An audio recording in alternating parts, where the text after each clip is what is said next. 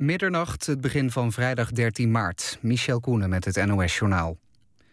In het Overijsselse Lutte bij Slagharen heeft een automobilist een baby doodgereden. Rond half acht raakte de bestuurder een licht, van een lichtgrijze Mercedes een man die met zijn baby in een kinderwagen wandelde. De kinderwagen werd weggeslingerd. Het kind overleefde de klap niet. De auto is teruggevonden. De bestuurder meldde zich later bij de politie.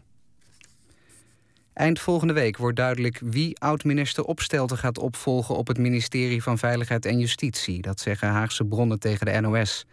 Er worden al een paar namen genoemd, onder wie Jan Kees Wiebinga. Hij is lid van de Raad van State. Ook het doorschuiven van minister Kamp is een optie. Terreurbeweging Islamitische Staat heeft de belofte van trouw van Boko Haram geaccepteerd. Vorige week zweerde de Nigeriaanse terreurbeweging trouw aan IS en leider Abu Bakr al-Baghdadi. In een audioboodschap spreekt een woordvoerder van IS de broeders van Boko Haram aan. Verder doet hij een oproep aan moslims die niet in Syrië en Irak kunnen meevechten om dat in Afrika te doen. De Mexicaanse regering heeft 14 miljoen dollar betaald om het scenario te wijzigen van de nieuwe James Bond-film Spectre. Daarmee zijn enkele aspecten die een negatief beeld van Mexico zouden geven uit de film verdwenen. Zo is een moordenaar in Mexico-stad in de film geen Mexicaan en is zijn doelwit niet de burgemeester, maar een buitenlandse diplomaat.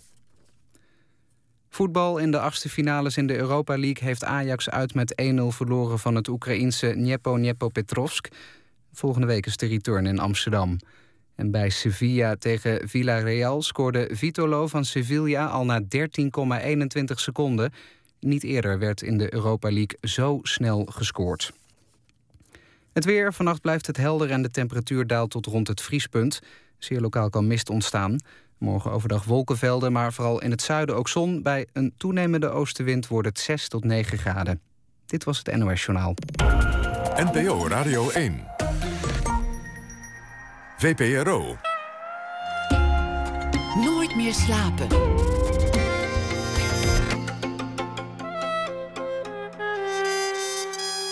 Met Pieter van der Wielen. Goedenacht en welkom bij Nooit meer slapen. De geheim gehouden zoon van Gerard Reven, daarover gaan we het hebben in het tweede uur. En dan ook over de boze reageerder, de reaguurder, die zijn giftige pijlen online richt op alles wat zo'n beetje beweegt. Daar is een eh, stripverhaal over gemaakt, Fauser. Dat allemaal na één uur. Maar we beginnen met Edo Hartman. Setting the Stage, Pyongyang, de titel van zijn tentoonstelling, vanaf heden te zien in Huis Marseille in Amsterdam. Hij reisde rond door Noord-Korea in een omstandigheid die andere fotografen juist tegen elke prijs zouden willen vermijden. Namelijk officieel genodigd binnen het protocol met een gids aan zijn zijde die hem door het regime was toegewezen. Hij was ook niet op zoek naar een blik achter de façade. De façade zelf interesseerde hem. De façade van het socialistisch regime. Mannen die een bord vasthouden met daarop de geboortedatum van de grote leider. Aangeharkte modernistische zuilen op winderige lege pleinen. En het liefst allemaal volledig verlaten. Edo Hartman werd geboren in 1973 in Den Haag. Hij maakte eerder al bijzondere fotoprojecten en tentoonstellingen. Over nucleaire testbasis in de Verenigde Staten, wederom verlaten. Over zijn ouderlijk huis, wederom verlaten. Het gaat hem dan ook meer om gebouwen en om plekken dan om mensen. Maar de verhalen die hij daarmee vertelt gaan juist wel altijd over mensen. Welkom, Edo Hartman. Dat is een hele mooie inleiding. Dankjewel, in, in drie minuten opgetypt. wat, wat, uh, wat, maakt jou gelukkig eigenlijk? Wat zijn jouw uh, um, beste momenten van dag tot dag? Het beste moment van dag tot dag? Nou, ik, ik, ik ben, ben gek op mijn vak. En daar haal ik dagelijks mijn uh, vreugde uit. Want naast het doen van eigen projecten of het maken van, van een boek of een tentoonstelling bestaat mijn dagelijks leven eigenlijk uit het uitvoeren van fotografieopdrachten. En um, dat, dat doe ik graag. Kan van alles zijn. Nou, uh, ook daar zijn spelen uh, ruimtes en plekken de hoofdrol, interieurs. En um, ook met portret, portretten. Uh, het, over het algemeen zijn dat zogenaamde, zoals dat dan mooi heet, omgevingsportretten. Dus een, um, de, de, plek waar iemand werkt of leeft of, of, of bepaalde dingen maakt. En um, ja, ik heb altijd opdrachtwerk altijd al gedaan. Um, daar ben ik gewoon mee gestart. Omdat ik, ja, je kan het vergelijken met twee uh, jongetjes die op een fiets aan het racen zijn. En soms gaat het opdrachtwerk heel snel. En dan gaat dan je eigen project heel snel. En dat jut elkaar een beetje op. En um, dat zou ik voor geen goud willen missen.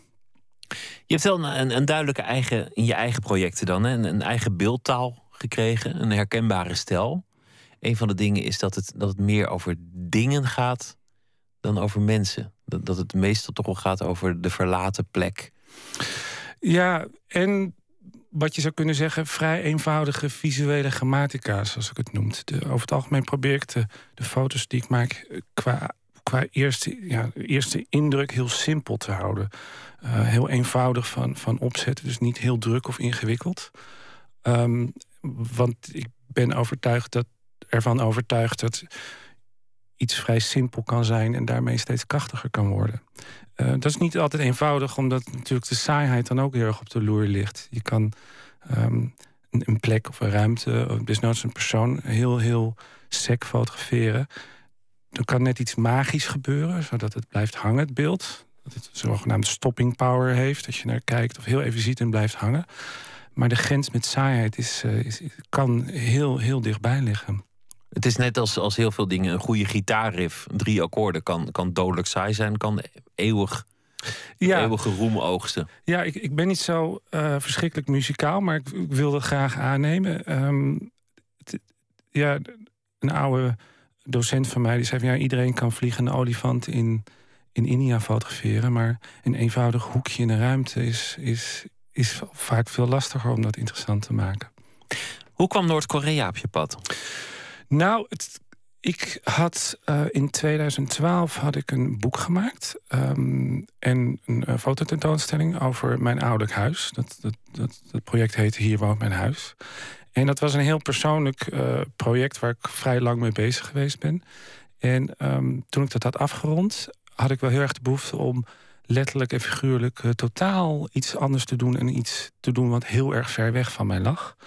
Um, en Ehm, ja, ik lees heel veel over geschiedenis en dan met name de Koude Oorlog. En um, ja, het, onderwerp Noord-Korea, dat, dat, dat is zeker de laatste tijd heel veel in de media. En ik was gewoon nieuwsgierig en ik dacht, hey, ik, ik, ik vind het interessant om daar wat mee te doen, om daar uh, meer over te leren, uh, kennis van te nemen.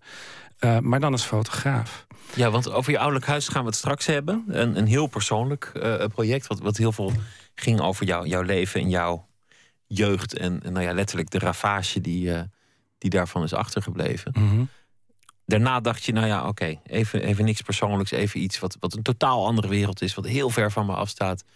Noord-Korea. Zo, zo eenvoudig was de gedachte. Nou, tegelijkertijd had ik het idee, want ik had natuurlijk documentaires al gezien, dat, uh, dat de, de, hoe het eruit zag, dat lege en die plekken, dat sprak mij heel erg aan. Omdat ik dacht van nou, dat zou misschien wel ook weer een, een, een locatie kunnen zijn. Een plek kunnen zijn waar ik op mijn manier van fotografie een verhaal over kan vertellen. Uh, want zoals je al in die inleiding vertelde, uh, uh, ja, nemen ruimtes, plekken, locaties de hoofdrol in mijn werk in. Um, en ja, ik, ik, zag die, die beelden van lege straten die er al heel erg mysterieus uitzagen. Ik dacht, nou, ik ben benieuwd als ik daar mijn kamer op richt, wat er, wat er dan gebeurt, wat ik daar ga vinden. Uh, dus het was een combinatie met het idee in mijn hoofd van hoe, zou zoiets eruit zien. Ik was ook gewoon heel erg nieuwsgierig van hoe is het leven daar, hoe ziet die stad eruit, hoe, uh, hoe zit dat in elkaar. En vervolgens uh, wist ik ook als fotograaf van nou volgens mij kan ik visueel kan ik daar ook mee uit de voeten. Hoe gaat dat als je het goed wil doen? Want heel veel mensen gaan als toerist naar Noord-Korea en die hebben dan een, een cameraatje op een mobiel of misschien een echte camera. En die, die hangen dan even snel uit de bus als, als, als niemand oplet. Of die proberen dan juist het niet getoonde Noord-Korea te fotograferen? Nou, de, de, de, het belangrijkste is dat je uh, voor mij als fotograaf dingen heel erg bewust moet doen. Dus je moet eh, je heel erg beperken tot een bepaald plan. Of je moet van tevoren een heel erg duidelijk plan neerleggen aan de hand je gaat, gaat werken. En dat kan je misschien wel aanpassen op het moment dat je er bent en denkt: dit, dit moet anders, omdat het werkt hier niet. Maar je moet, dat maakt het ook het grote verschil tussen, tussen ja, een amateur en iemand die dat voor zijn vak doet of op die manier zijn verhalen wil vertellen, is dat hij uh, niet, niet um, klakkeloos of op zijn goed Nederlands random uh, uh, maar dingen schiet, maar dat, dat je gaat zoeken naar iets wat waarmee jij een verhaal kan vertellen. Of dat je een soort van selectie maakt. En dat kan soms automatisch gaan, maar dat kan ook zijn in dit geval moest ik dit heel erg goed voorbereiden. Omdat ik wist dat ik weinig tijd zou krijgen. Dat de mogelijkheden heel beperkt zouden zijn.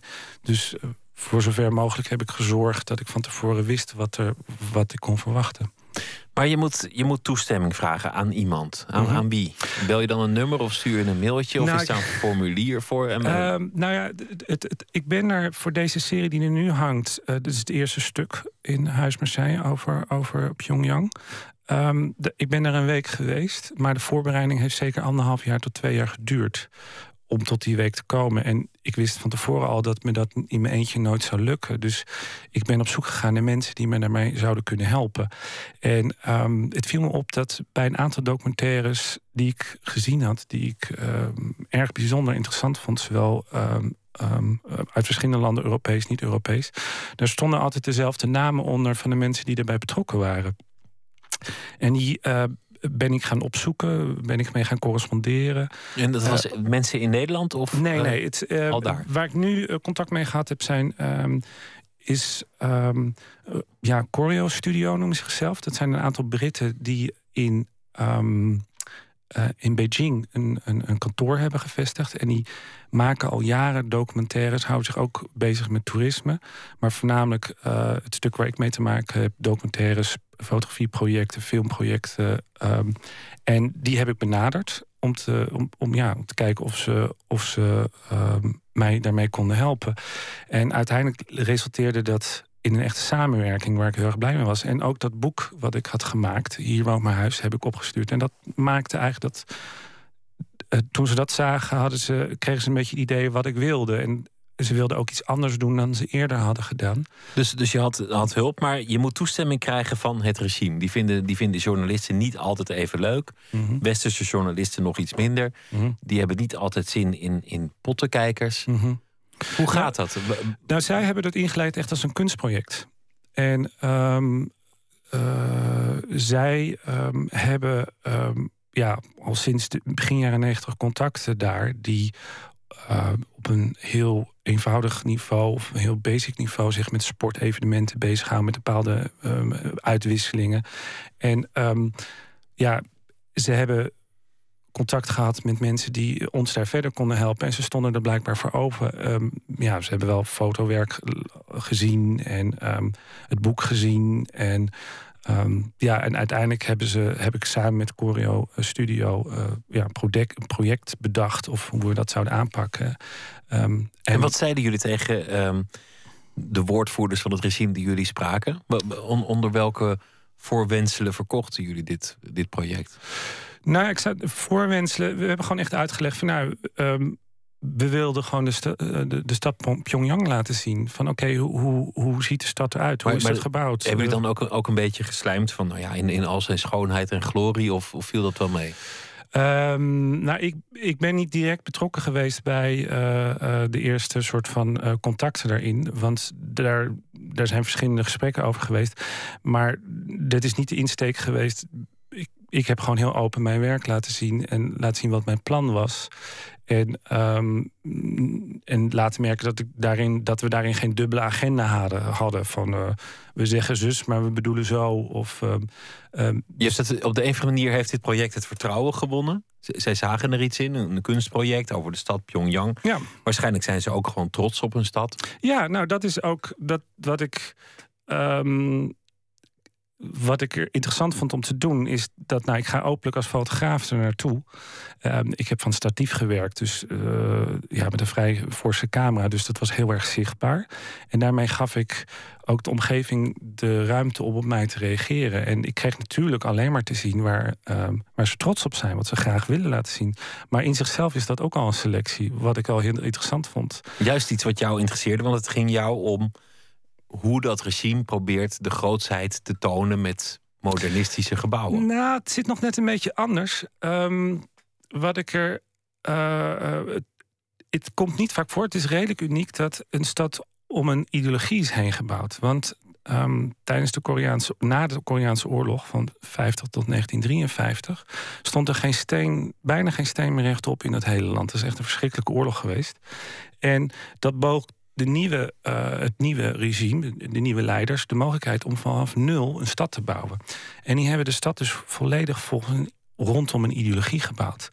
En ehm, ja, daar leeft men nog steeds mee. En het is, ik heb nog niet eerder een stad gezien waarin je dus ziet die compleet gebouwd is rond een. Kijk, ik heb Detroit is is nu ook een soort van heel bekende plek waar heel veel fotografen naartoe gaan. Dat is helemaal vervallen. En je kan in de infrastructuur nog zien dat het een autostad geweest is. Er zijn auto's geproduceerd. Dus aan een stad kan je geschiedenis zien. In Amsterdam kan je dat ook zien. En dat is een mengeling tussen, tussen geschiedenis en infrastructuur. Uh, en maar dit is puur gebouwd om een idee.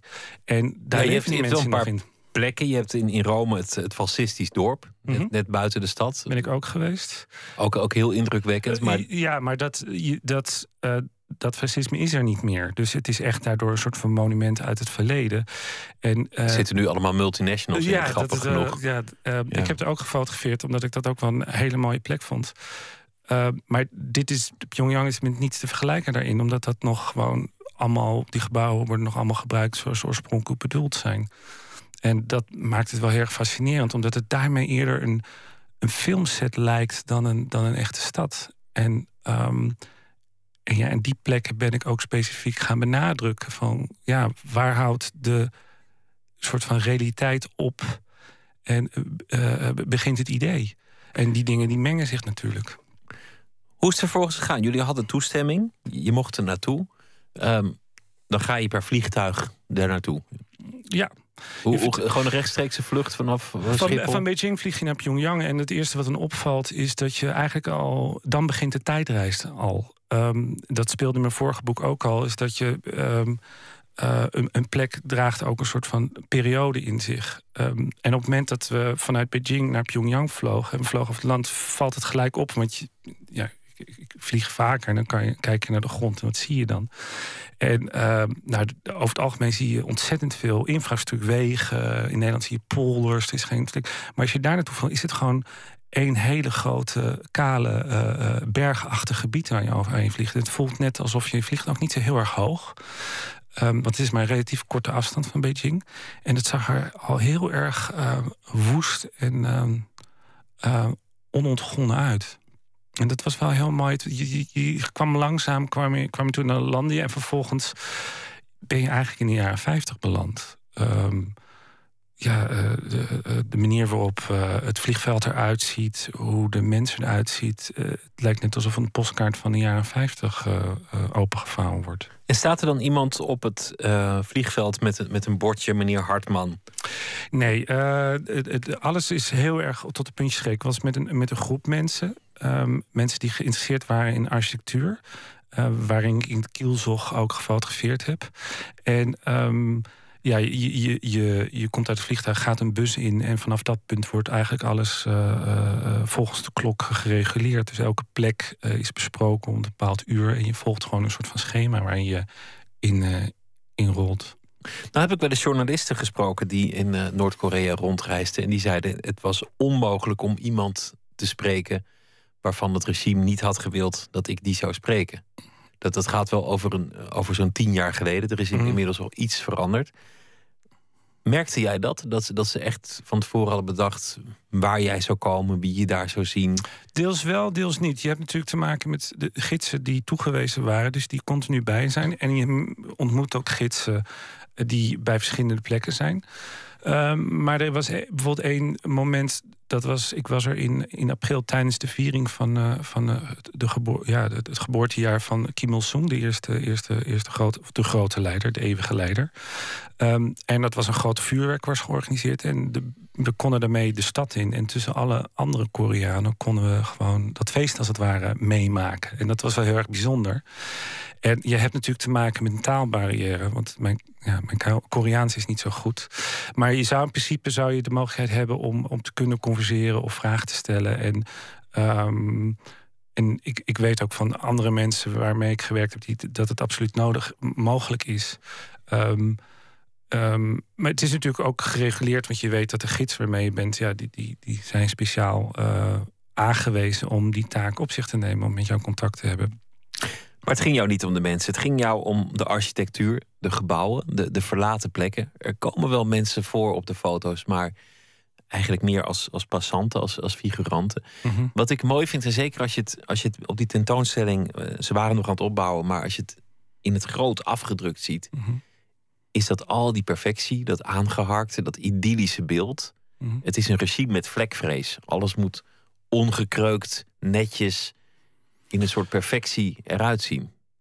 Ja, het, het, het, eh, dat is wel heel erg. ehm, iemand bij het, eh, museum, Museumhuis Marseille, waar het, waar het nu hangt, eh, waar de expositie is, die, die, die heeft een, inter- een interview bij me afgenomen. En die, die kwam daar met een heel erg mooi idee eh, dat, het als een, dat een soort van powerdressing is van een stad. Dus dat het eerder als een uniform oogt. En Ehm, om die zin indruk te maken, je ziet eh, bij elke, elk leger worden voortdurend eh, de uniformen gecheckt, hoe strak dat allemaal is en hoe netjes. En daar geldt de filosofie eigenlijk bij van als je een kreukel hebt eh, in je uniform of een vlekje of iets dergelijks, dan ben je dus niet in staat om dat voor elkaar te hebben. Dus als je zo'n fout al maakt, wat voor fouten maak je dan wel niet op slagveld? Die zullen vast wel dodelijk zijn. En die soort van powerdressing zit ook in die stad. Eh, ehm, eh, en dat is wel, ja, je kan je op geen enkele manier aan die, aan die stad onttrekken. Mede door het feit dat er overal luidsprekers staan die het, ja, de boodschap van de Workers' Party laten horen. En dat is een, het geluid dat continu is. En wat, wat hoor je dan? Gewoon, gewoon iets in het eh, Je hoort muziek, onverstaanbaar... eh, duidelijk, eh, duidelijke revolutionaire muziek. Ehm, ze hebben een aantal opera's. Dat zijn er vijf hele beroemde... die ooit waarschijnlijk een aantal door de grote leider ooit geschreven zijn. En die worden continu te horen gebracht. Samen met teksten.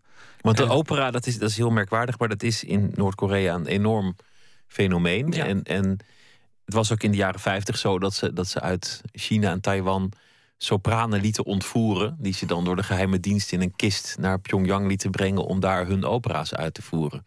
Dat soort verhalen zijn wel beschreven. Ja, er, zijn heel veel van dat soort verhalen. Het is, het is een beetje moeilijk te achterhalen hoe het, nou, hoe het allemaal eigenlijk precies zat. Maar het is inderdaad wel waar dat, dat eh, de, die, die, die vijf revolutionaire opera's... die hele mooie titels hebben, zoals The Sea of Blood... en, eh, en ook The Flower Girl...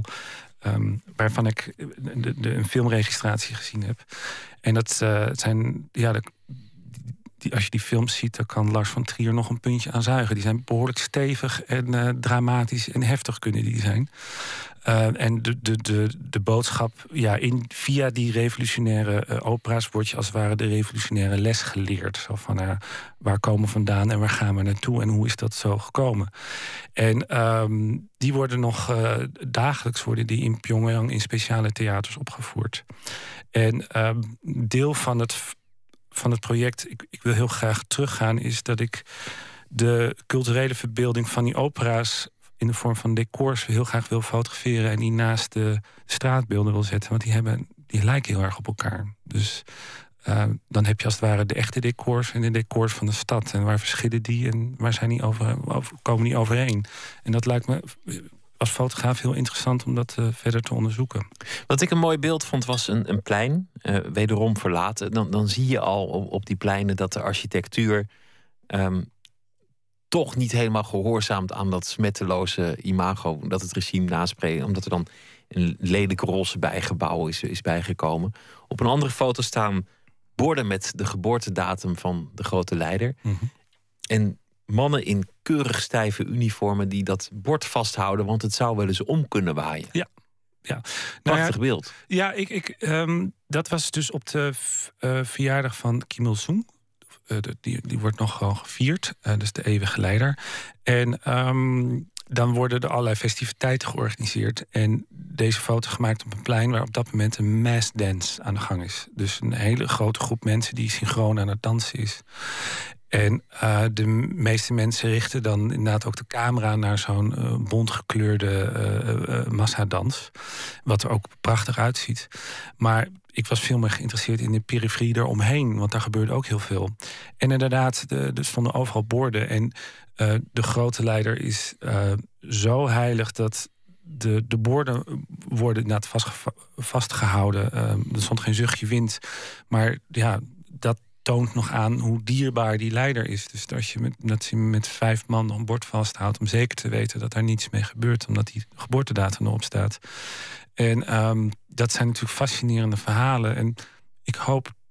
Ja, ik probeer uh, zoveel mogelijk dit soort verhalen in één beeld te vatten zonder het al te ingewikkeld te maken. Ehm, en daarmee hoop ik dat het ook fascinerend blijft om naar te kijken. Dat is een heel lastig evenwicht zonder al te uitleggerig te worden. Ehm, maar ik, ik heb daar intens uh, van genoten om door die stad uh, binnen die beperkingen aan de slag te gaan. En, um, en er gebeurde zoveel om me heen um, dat ik het onmogelijk op mijn manier uh, kon fotograferen. En in mijn hoofd zitten nog heel veel beelden die ik als het ware gemist heb. Want, je, want de tijd was schaars en, en je, je kon niet overal altijd komen waar nee. je wilde zijn. Nee, nee, nee. Ik, werd samen met een aantal mensen door met een bus uh, naar verschillende plekken gereden. Binnen Pyongyang en daarbuiten. En ja, die, je zag van alles wat, wat een menging is van een vorm van... ja, alsof je in een door geschiedenis uh, machine kijkt en, en gewoon ook visueel. Um, ja, waarvan je denkt, als ik dit fotografeert, vertelt dat heel veel. Daar zit heel veel verhaal in. Het leuke is als je lang genoeg kijkt naar die foto's, dat je zelf die dictatoriale vlekvrees een beetje over je heen krijgt. En dan, dan zie je ineens toch overal weer een scheurtje. Of dan zit er toch weer een spinnenweb. Of er heeft toch weer iemand een propje laten flikkeren. Het lukt bijna nooit om het zo mooi aangeharkt te krijgen als de grote leider zou willen. Uh, de menselijke aanwezigheid is er. En uh, die, die is in, uh, in heel veel in letterlijk naden gewoon terug te vinden. Dus, dus, en dat geldt voor elk utopisch regime. Het gaat altijd ja. kapot op, op uh, nou ja, de menselijke aard en, en de zwakte van de wezens die de utopie moeten bevolken. Ja, um, voor mij was het één grote visuele ontdekkingsreis om daar aan, aan de slag te gaan. En um, ik ben blij dat ik nu in, met grote afdrukken ook dat kan laten zien. Um, in dit tijdperk van um, beeldschermen is het soms heel fijn om uh, ook fysiek beeld aan de muur te hebben in een vorm van afdrukken. Daarom maken fotografen ook uh, tegenwoordig, of willen ze graag uh, fotoboeken maken, omdat dat nog een van de weinige manieren is om een foto als object in je handen te hebben. En ik, ik, heb die afdrukken, ze hangen een aantal hele grote op de tentoonstelling.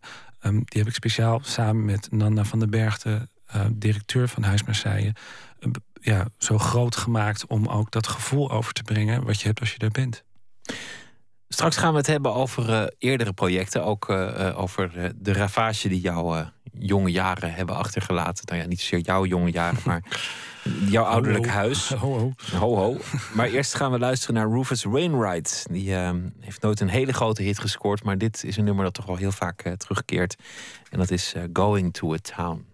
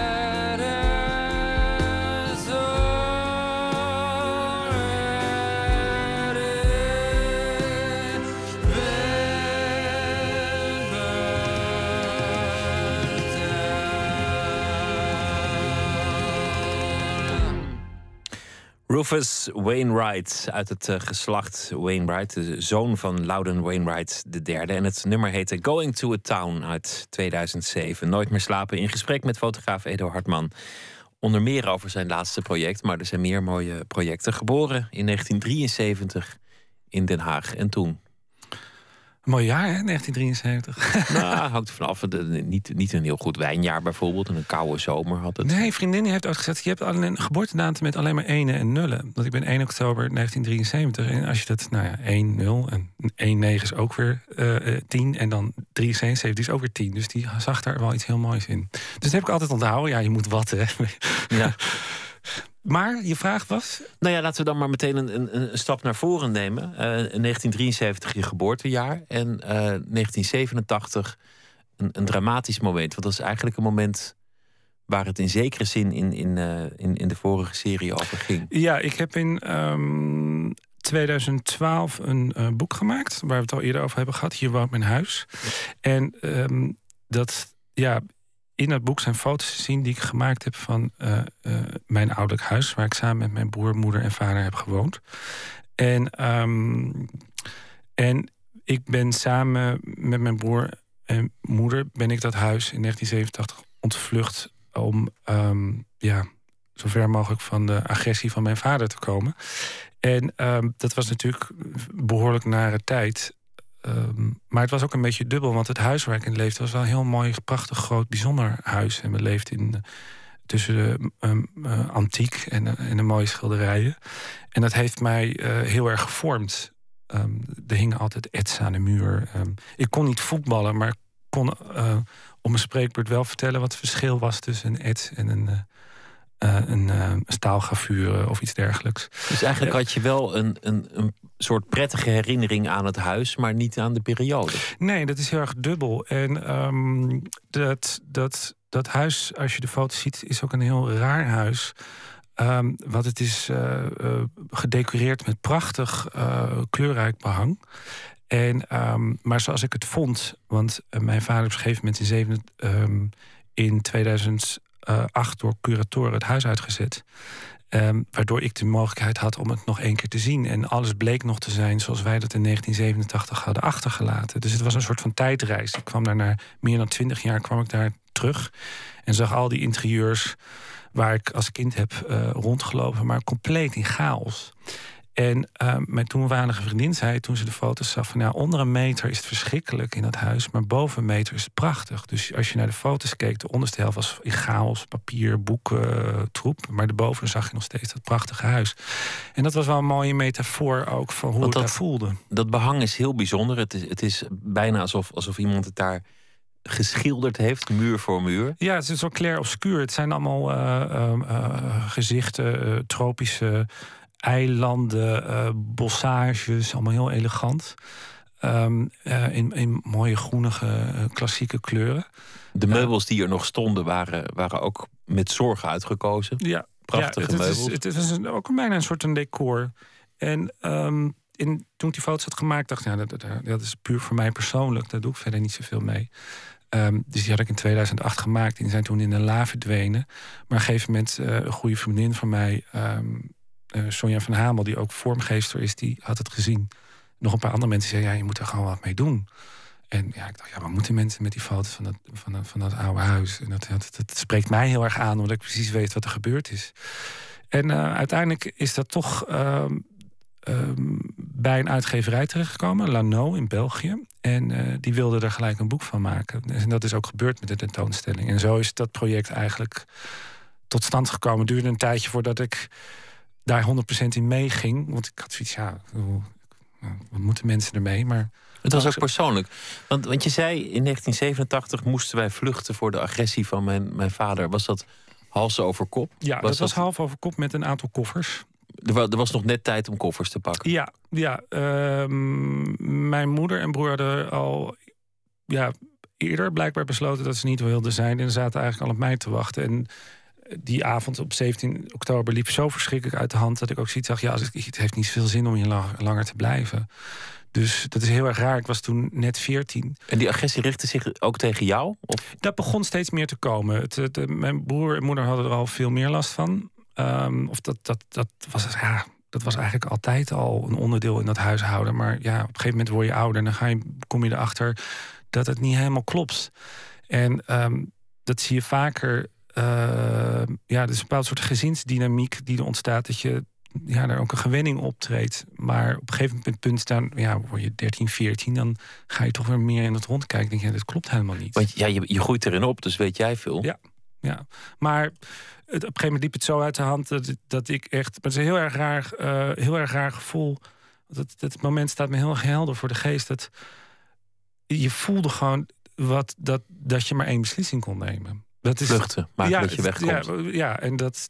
Uh, en dat heb ik nooit echt geen moment in mijn leven spijt van gehad. Dus het is een van de beste beslissingen die ik ooit heb kunnen nemen. Als ik het zo hoor, klinkt het alsof, alsof je daarmee ook gewoon je leven hebt uh, gered. Of... Nou, zo, dat, dat, dat, zo breed wil ik niet stellen, maar wel. Uh, uh, het heeft wel gezorgd dat het vanaf dat punt een gezonde kant op ging. Laat ik het zo zetten. Nooit omgekeken, nooit teruggekeerd. En dan ineens komt dat bericht er is iets aan de hand in dat ouderlijk huis waar die vader al die jaren nog gewoond heeft. Ja.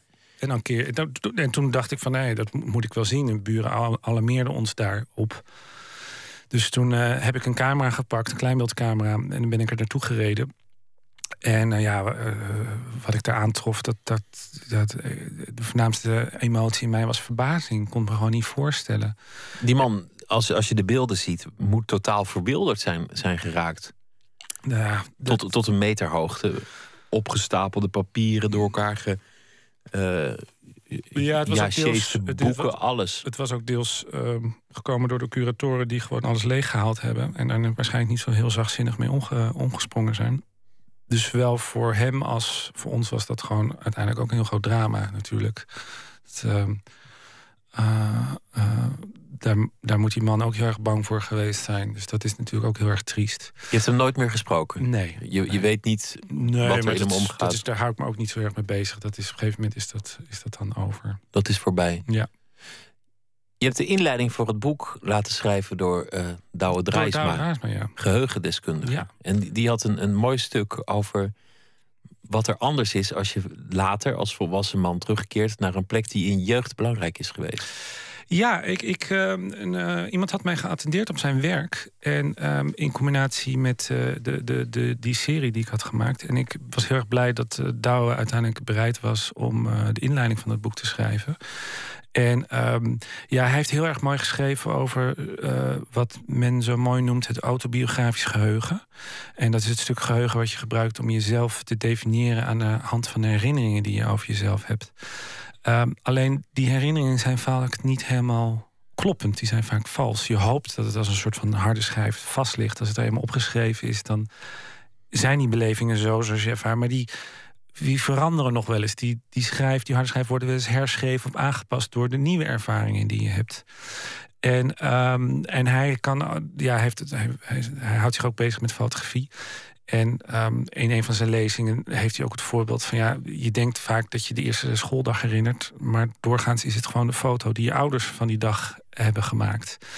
Uh, dat, daar daar begint, uh, begint het glazer al. Dat je denkt, oh, zo zag het eruit. Maar uiteindelijk, als je goed nadenkt, ja, ik ken eigenlijk alleen maar dat moment van het fotoalbum. En um, toen ik dat huis na uh, meer dan twintig jaar weer bezocht en ging fotograferen, um, ja, werd ik eigenlijk teruggezet in de tijd. En dan kon ik heel erg precies nagaan waar mijn. Waar de realiteit en de, de, mijn, mijn idee of mijn herinnering over scheef liep of wat niet klopte.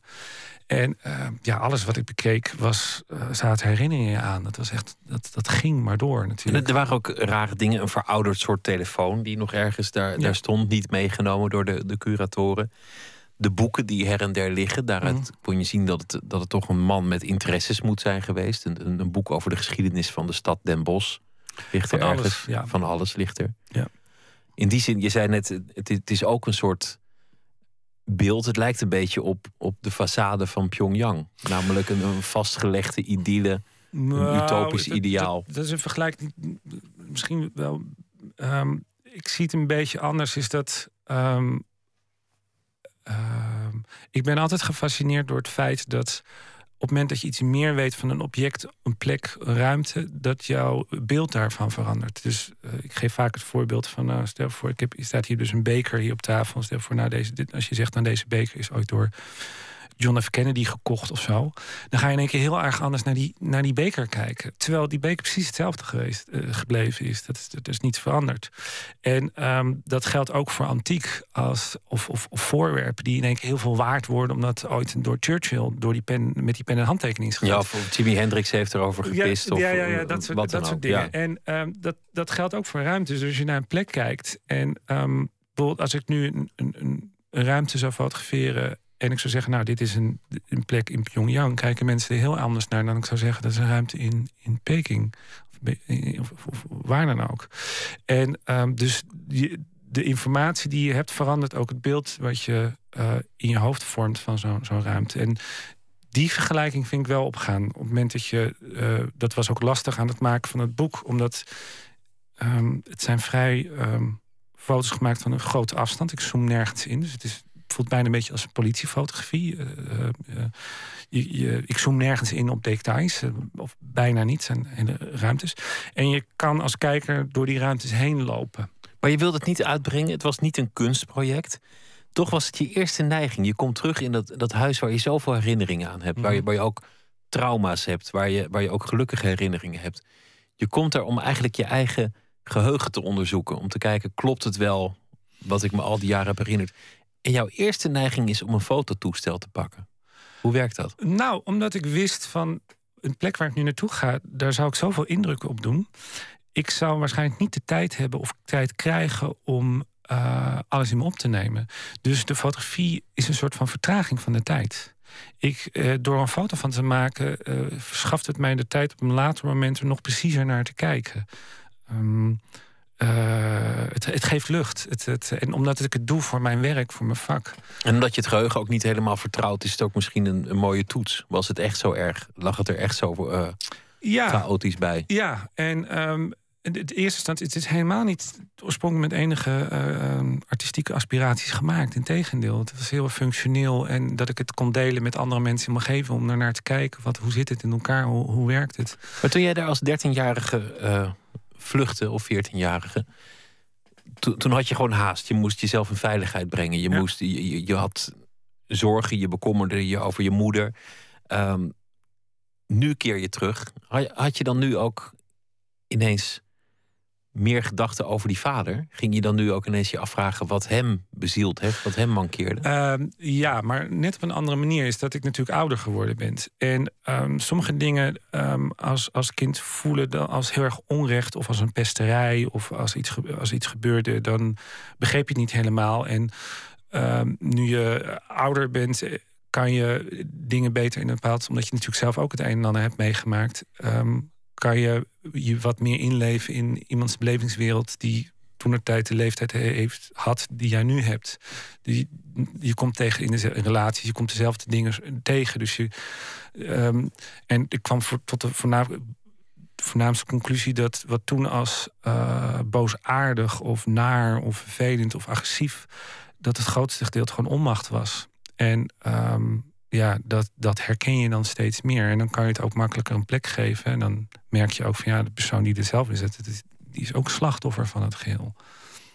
Ja, dus maar als het, als het aan de hand is, moet je natuurlijk nog steeds rennen. Ik bedoel, iemand kan honderden motieven hebben om jou naar het leven ja, te staan. Ja, precies. Maar daarvoor moet je dus ouder worden. En, en, en, en, terugkijkend kan je dat wel. Dat is het verschil. Dat als je tussen toen en, en, en toen ik die foto's maakte. En daarvoor, dat is wat je wel voelt. En daar hielp de fotografie hielp daar ook mee om dat meer te ontdekken van hoe zit dat is in elkaar. Maar je hebt toch steeds geen contact met hem en dat wil je ook niet? Daar ben ik helemaal niet mee bezig. Het, het, is, uh, het, project, het foto's heb ik in 2008 gemaakt. Um, toen ik daar wegliep in 87, nou, is ook al inmiddels uh, 25 jaar geleden. Dus uh, ja, dat is, dat is zo'n onderdeel van, van het verleden. Ik ben nu ook met hele andere dingen bezig. Toch zitten daar een aantal wonderlijke dingen in als het gaat over jouw loopbaan. Omdat dat je prettige herinneringen hebt aan de omgeving, maar niet aan de situatie. Kortom, het, het gezin. Het was dubbel. Je, je, ik, ik wijs het niet helemaal af. Het is toch mijn jeugd en het heeft me ook heel erg gevormd. En ik ben heel erg dankbaar voor het feit dat ik. Uh, jong opgevoed bent met hele bijzondere mooie uh, uh, objecten en kunst en uh, antiek. En de, de, liefde voor dingen die heel mooi gemaakt zijn. Maar ja, de amateurpsycholoog zou zeggen: geen wonder dat je later je als fotograaf bent gaan richten op, op, dingen en gebouwen en ja, omgevingen. Ja, nou ja, mijn broer is kunsthistoricus. Dus ja, het, het, het, ehm, in die zin zou dat kunnen, maar ja, het, ik denk dat het evenzeer ook naar iets anders had toe kunnen groeien. Daar zijn in andere zinnen legio voorbeelden van. Uh, uh, maar nogmaals, ik ben heel erg dankbaar voor dat. dat uh, het enige jammer was dat er, zoals iemand dat mooi heeft verwoord, dat er heel veel in dat huis heel veel liefde voor spullen was en niet veel liefde voor mensen. En dat is wel hetgeen wat je. Uh, wat uiteindelijk het belangrijkste is, natuurlijk. Dat zei ik aan het begin in, in de inleiding, dat jij fotografeert plekken waar heel vaak geen eens mensen aan bezig zijn. Bijvoorbeeld een plek waar kernproeven zijn geweest. Sommige van die. Ook van een leuk onderwerp, ja. Ja, fantastische foto's. En het is een, een, een, plek waar, waar je vaak ook niet eens mag komen, omdat radioactief is. Sommige delen zijn alweer vrijgegeven. Mhm. Dan zie je stoeltjes waar mensen waarschijnlijk hebben zitten kijken naar zo'n paddenstoel. Ja. Met gevaar voor eigen leven. Nou, het, uh, uh, dat is levende geschiedenis. Het is, uh, ik voel me soms kuifje in een heel erg onbekend land die allerlei avonturen beleeft. En de fotografie helpt mij om. fotografie is echt een beleving. Ehm, en ik ben altijd gefascineerd geweest door dingen die je juist niet kan fotograferen, zoals straling of geluid. Ehm, en ja, ik ben op zoek gegaan naar plekken waar ik dan wel, als het ware, de, zoals het in het goed Nederlands heet, circumstantial evidence te zien is. Dus dat je hand van de sporen die je ziet kan afleiden wat er gebeurd is. Eh, zoals je koolmonoxide ook niet kan zien, maar wel kan zien waar het geweest is. Uh, bijvoorbeeld, er zijn eh, heel veel voorbeelden van. Um, en ik ben een aantal jaar geleden ben ik op verschillende plekken geweest die in de, in de jaren 50 in Amerika uh, een rol hebben gespeeld in, uh, in, in het testen van nucleaire wapens. En nou was het nou niet zozeer dat ik geïnteresseerd was in die nucleaire wapens, als wel wel um, hoe dat, dat in dat landschap heeft. Ze hebben gewoon een stuk woestijn afgezet en gedacht, nou hier maken we een openluchtlaboratorium van. En dat is heel raar om te zien, omdat je dan met een, een, een auto rijdt door dat gebied heen. En dan zie je in één keer uh, huizen staan die je van die films kent. Um, want als er een kernproef is of iets gebeurt in de wereld, dan zie je altijd diezelfde films van zo'n huisje of een aantal huizen die door zo'n wervelwind van een atoomwind weggeblazen wordt. Snel gebouwd om, om, om iets op te testen eigenlijk. Ja, en die gebouwen vind je daar terug. Dus je, je uh, bent gewend aan de beelden. Je hebt je honderd keer gezien, maar je weet eigenlijk niet waar die gemaakt zijn. En dan rij je door woestijnen en dan doemt er in één keer in die woestijn zo'n huis op. Die, waar ze test op hebben gedaan. Alleen het stond net ver genoeg om het te, te kunnen overleven. En dat zie je dan terug. Waarom is de omgeving of het gebouw eigenlijk een betere manier voor jou om, om mensen te leren kennen, om verhalen over mensen te vertellen? Omdat het uh, degene die naar de beelden kijkt de ruimte geeft om daar uh, een eigen invulling aan te geven. Uh, op het moment dat je te expliciet dingen fotografeert, dan timmer je het als fotograaf of beeldmaker of kunstenaar dicht. En dingen gaan pas leven als mensen daar een eigen uh, als, ze, als ze zelf gedwongen worden of zelf de, de noodzaak voelen om daar een invulling, een, een idee over te hebben. En uh, dan maakt het dat een onderwerp of een, een, foto tot leven komt. Je kunt er ook langer naar kijken. Een, een verwarde man is moeilijk om naar te kijken, maar de omgeving die die heeft achtergelaten, die is fascinerend zonder dat je je heel erg bezwaard voelt om er naar te blijven kijken. Nou ja, je kan je dan ook veel meer verplaatsen op het moment dat je een portret maakt. Of, of je, zoals je zegt, een, een heel expliciet een verwarde man uh, fotografeert in een bepaalde plek. Dan, dan is het de plek van die man. Maar op het moment dat je alleen maar de plek laat zien, dan laat je ook eruit. Oké, als je zelf nou in zo'n situatie bent, ziet jouw plek er dan zo uit. Um, Um, en dat is voor iedereen natuurlijk anders, waardoor het ieder zijn eigen verhaal dan in zo'n zo'n foto kan leggen. En ik vind het heel interessant. Er zijn meerdere fotografen die zich bezighouden met een soort van schuldige plekken. Maar voor mij is het wel belangrijk dat je in een foto nog wel genoeg aanleiding of genoeg punten hebt. Uh, die je als argeloze uh, beschouwer wel je op kan nemen. Dus je kan een stuk zee fotograferen en zeggen: Oké, nou hier is een schip gezonken. Uh, maar als je daar naar kijkt, vind ik dat je dan als beschouwer te weinig krijgt visueel om daar, om daar je eigen verhaal in te leggen. Dus er zou er net iets meer aanwezig zijn. Dus ik zoek altijd naar plekken die waar het verhaal eigenlijk niet zo goed meer te zien is, maar nog wel aanknopingspunten zijn voor jou als kijker om mee aan de slag te gaan. Vanaf uh, dit weekend te zien in uh, Huis Marseille in Amsterdam. De foto's over Noord-Korea en een uh, nieuwe serie die, die ga je binnenkort maken als alles lukt. Ja, het is het eerste deel en ik hoop dat, het, dat ik de tijd vind en de mogelijkheden krijg om, om, om de serie af te maken. Edo Hartman, dank je wel. We gaan luisteren naar ehm, roosbeef. Kalf is in België een scheldwoord voor iemand die je dom vindt. Het staat ook voor nieuw leven. En dat was de reden voor roosbeef om haar album de titel Kalf mee te geven. Een van de nummers was Controleer mij.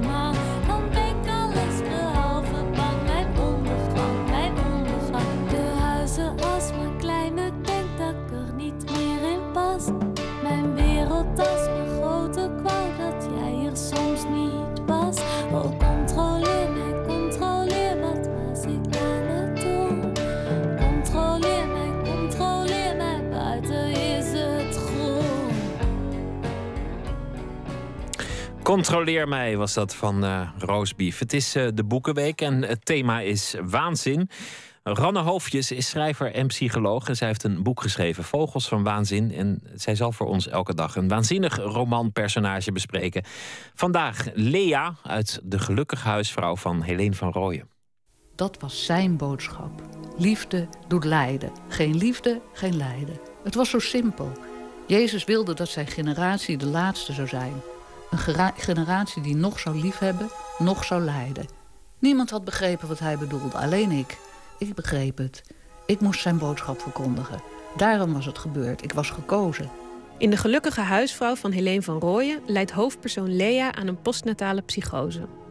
Zo stopt ze haar kind in een kartonnen doos en denkt ze dat ze boodschappen van Jezus krijgt. Lea staat vrij duidelijk voor Helene van Rooyen zelf, denk ik. Ze hebben allebei uh, een postnatale psychose meegemaakt. Lea, zowel als Helene van Rooyen. En ik denk dat ze heel erg haar eigen ervaringen daarmee uh, beschreven heeft. Hoe uitzicht dat, die uh, postnatale psychose? Ja, na de bevalling is ze... Ze heeft een hele zware bevalling. Voelt zich daarna verschrikkelijk. En geleidelijk aan beginnen haar gedachten te ontsporen. Begint ze gejaagd en uh, rare associaties te krijgen... en de dingen anders te zien dan ze zijn. En dat, uh, dat, wordt wel, dat wordt wel mooi beschreven door de, hoe, hoe die psychose bezit van haar neemt. Mevrouw Meijer. U heeft uw kind in een doos gestopt. Nee, nee, niet in een doos. Hij is uit een doos gekomen. Hij is uit mijn doos gekomen. Ik had dat nog moeten uitleggen, zeg. Jongen, jongen. Noemt zichzelf een dokter. Mag ik even passeren? We gaan de crisisdienst bellen. Ze ziet dan overal aanwijzingen in. Als ze dan een, een boek uh, ziet liggen en er staat op uitgeverij contact. Denkt ze, contact, ik heb contact, het is goed. En als ze een achterkant van een boek ziet en dan ziet ze een foto... en het lijkt op haar zus, en dan zegt ze, zie je wel, ze zijn me op het spoor. Ik zit op het goede spoor. En ze krijgt ook uh, een soort opdrachten door... en dat, dat wil ik ook nog even voor... Dat, dat, speelt als ze de eigen kind in, in bad stopt... dan krijgt zij een opdracht door doop hem. Met mijn rechterhand goot ik water over zijn voorhoofd. In de naam van de Vader, de Zoon en de Heilige Geest. Harry, dat is het kind, Harry begon te urmelen. Laat hem gaan. Ik trok mijn handen van hem af. Harry verdween onder water. Ik draaide me om en liep de badkamer uit. Hoe realistisch is het beschreven? Ja, dat is natuurlijk voor mij heel moeilijk te zeggen, want ik heb nooit een psychose gehad. Maar uh, ik vond het. Ik, vond, ik werd hier echt in meegetrokken dat ik dacht... oh ja, maar nu begrijp ik wel een beetje hoe dat kan werken, zo'n psychose. Hoe dat, het is verschrikkelijk moeilijk om... om uh, het is echt een van de moeilijkste dingen, denk ik... om, een, om te begrijpen hoe, wat er nou eigenlijk precies gebeurt... in het hoofd van iemand die een psychose heeft. Want die heeft waangedachte, idiote gedachten... maar die heeft ook dezelfde werkelijkheid om zich heen als jij en ik. En op de een of andere manier raakt dat verweven. En, en, en dan lees je dat boek van Helene van Rooyen... en ook uh, een, een, heel mooi boek van uh, Nicolaas Matsier, Gesloten Huis. En dan herken je ook bepaalde dingen uit het boek van Helene van Rooyen. Die gejaagdheid, dat gevoel van... oh ja, als ik nou nog even doordenk, ik moet dit nog en dat nog... ik heb haast, want direct ben ik deze, deze gemoedstoestand kwijt... en dan kan ik het niet meer, maar als ik nu nog even doordenk heb ik opeens het wereldraadsel opgelost. Dan weet ik het. Dan, dan heb, en dat het wordt niet zo gespecificeerd. En als uh, mensen een psychose proberen te beschrijven die dat niet kennen... dan gaan ze dat het altijd specificeren. Dan, dan wordt dat wereldraadsel heel concreet gemaakt. Van, oh, dan denk ik dat dit... En dat doen zij juist allebei niet zo. Het, is, het blijft iets heel vloeibaars. Iets wat die kant op kan gaan en die kant op kan gaan. Af, afhankelijk van de associaties die ze, die ze daarover hebben. Kut, kut, godverdomme. Je zoon ligt in zijn bedje, je zoon ligt in zijn bedje. Die man heeft hem net een flesje gegeven. Echt waar? Niet liegen, Oké, okay, gelukkig. Oké, okay, gelukkig. Lea, gelukkig. waarom heb je je zoon nou in een doos gestopt? Wat? Jezus, begin jij nou ook al? Denk je dat zo'n boek uh, meer begrip voor zo'n psychose creëert? Dat hoop ik altijd. En uh, daar ben ik heel bang van dat het niet gebeurt. Want ik moet je eerlijk zeggen, ik denk dat alles een beetje helpt. Dat, de, en dat hoop ik ook van harte, dat al die beschrijvingen van, van al die, dat dat toch steeds. Hè, het is de enige manier die we hebben om, om die ellende te leren kennen, is via verhalen. En ik hoop ook dat uiteindelijk dat wel een beetje helpt. Maar ik verwacht er niet wonderen van, eerlijk gezegd. Radio 1, het nieuws van alle kanten.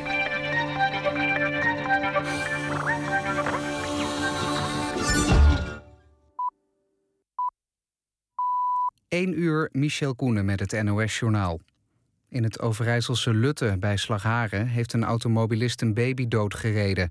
Rond half acht raakte de bestuurder een man die met zijn baby in een kinderwagen wandelde. De kinderwagen werd weggeslingerd. Het kind overleefde de klap niet. De vader ligt in het ziekenhuis. De auto werd later op de avond teruggevonden. De bestuurder meldde zich op het politiebureau van zijn woonplaats Hardenberg. Hij is aangehouden en zit vast. Terreurbeweging Islamitische Staat heeft de belofte van trouw van Boko Haram geaccepteerd. Vorige week zwoer de Nigeriaanse terreurbeweging trouw aan IS en leider Abu Bakr al-Baghdadi. In een audioboodschap spreekt een woordvoerder van IS de broeders van Boko Haram aan. Verder doet hij een oproep aan moslims die niet in Syrië en Irak kunnen meevechten om dat in Afrika te doen. Tussen Utrecht en Amsterdam rijden nog zeker een uur minder treinen. Het opruimen van een gestrande trein bij Apkoude duurt langer dan verwacht. Vanmiddag brak in een intercity bij station Apkoude een kleine brand uit. Een reiziger is naar het ziekenhuis gebracht met verwondingen. Het spoor bij Apkoude wordt nog onderzocht op beschadigingen. In Amsterdam is een baby geboren in een supermarkt. Volgens RTV Noord-Holland is de moeder een meisje van 15 dat in de supermarkt werkt. De politie wil niets zeggen over haar leeftijd. Een toevallig passerende agent van de bereden politie heeft geholpen bij de bevalling. Moeder en dochter maken het goed. Voetbal in de achtste finales in de Europa League heeft Ajax uit met 1-0 verloren van het Oekraïense Dnieper Petrovsk. Volgende week is de return in Amsterdam. Bij Sevilla tegen Villarreal scoorde Vitolo van Sevilla al na 13,21 seconden. Niet eerder werd in de Europa League zo snel gescoord. Het weer, het blijft helder en de temperatuur daalt tot rond het vriespunt. Zeer lokaal kan mist ontstaan. Overdag wolkenvelden, maar vooral in het zuiden ook zon. Bij een toenemende oostenwind wordt het 6 tot 9 graden. Dit was het NOS Journaal. NPO Radio 1.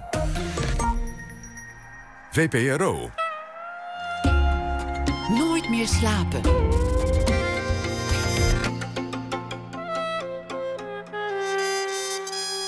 Met Pieter van der Wielen.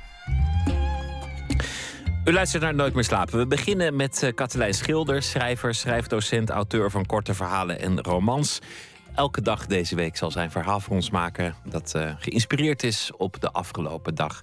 Goedenacht, Katelijn. Dag, Pieter. Vertel, de dag. De dag. Hoe was die? Uh, voor mezelf of voor het nieuws in het algemeen? Nou ja, wat je wil. Oh ja, nee, voor mezelf was het een druk dagje met veel lesgeven. maar het was erg leuk. En toen heb ik vanavond... Toen wachtte mij een stel blauwe enveloppen op de deurmat. En iedereen, of in ieder geval alle ZZP'ers in Nederland... zijn volgens mij deze week en komende weken bezig met de belastingaangifte. En toen zag ik in de krant dat uh, Bram Moskovic ook nog wel een beetje een cursus aangifte doen kan gebruiken. Dus toen dacht ik, dat wordt er toch een, uh, een belastingavondverhaaltje. Daar wordt niemand vrolijk van. Maar goed, het hoort bij het leven. Het, uh, het is er nou eenmaal, die blauwe enveloppen. Ja. En, en dat getut met die aangifte. Nou, ik had gewoon gedacht, bedoel, dat ik slecht ben met dit soort zaken... dat zal niemand verbazen. Maar Bram Moskovic moet toch wel weten hoe het werkt. Ik was toch wel verbaasd. Ja, ik wil me daar niet over uitspreken of hij niet weet hoe het werkt... of, of dat hij dat moedwillig doet alsof ben, hij het niet Ik ben weet. zeer goed van vertrouwen. Ik ook. En uh, nou ja, laten we ervan uitgaan dat hij het gewoon allemaal net niet wist... en dat hij strafrecht heeft gedaan en geen belastingrecht. Juist. Dus ik heb een lijstje met uh, tips voor Bram Moskovic. Ga je gang. Okay. Het heet redelijkheid en billijkheid. Ed de Haan van Belastingadviseurs AOV keek het helverlichte zaaltje rond. Er stonden nogal wat lege klapstoeltjes in het muffe souterrain van de Vereniging van ZZP'ers. Twee derde van de deelnemers die zich voor de gratis belastingavond had aangemeld, was niet opkomen dagen. Kijk, zei hij, als jij 13.000 euro per jaar verdient en je gaat voor 600 euro uit eten met zakenrelaties, dan weet de Belastingdienst echt wel dat jij die rekening niet in je eentje hebt betaald. En na wat speurwerk op Facebook weet hij dat het ging om de 80ste verjaardag van je moeder. Dus hier wat tips. De vrouw rechts voorin met een laptop op haar schoot vraagt of hij die zin kan herhalen. Ze typt hardop mee. Kom ik op een volgende punt, zegt Ed kordaat. Ga niet voor zaken uit eten op je verjaardag. Of een dag na je verjaardag, of op vrijdagavond, of in het weekend. Dat geloven ze nooit. Ambtenaren werken niet in het weekend, daar begrijpen ze niets van, dus doe het niet. En nog iets. Er zijn mensen die twitteren elke dag zoveel over wat ze doen... dat ze die berichten zo zouden kunnen meenemen in hun urenadministratie. Irritant voor hun volgers, fijn voor hen. Maar voor de rest van jullie, hou gewoon een Exceletje bij, kleine moeite. Aan het eind van de avond zegt een vrouw met artistieke trui... Nu u het zo vertelt, klinkt het heel makkelijk. De rest knikt gretig. Dat is het ook, mevrouw, zegt Ed de Haan. Redelijkheid en billijkheid, zeg ik altijd maar. En anders kun je altijd bellen. En toen stortte iedereen, inclusief de voorzitter... zich op de stapel visitekaartjes die voor hem lagen uitgestald.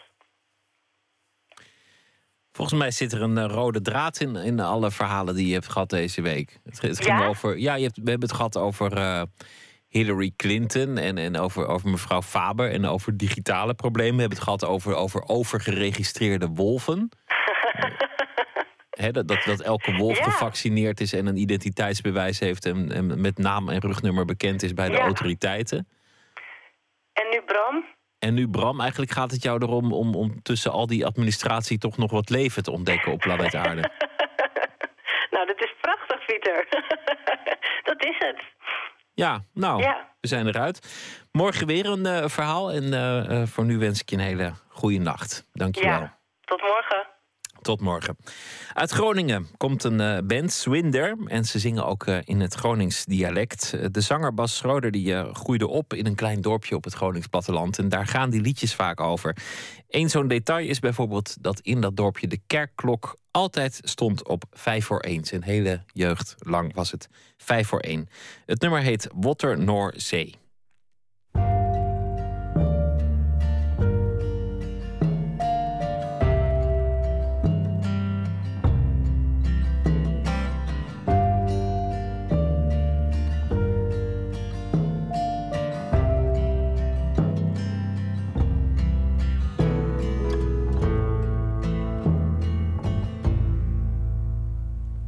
Zij uit mijn mond is nooit een keer gauw.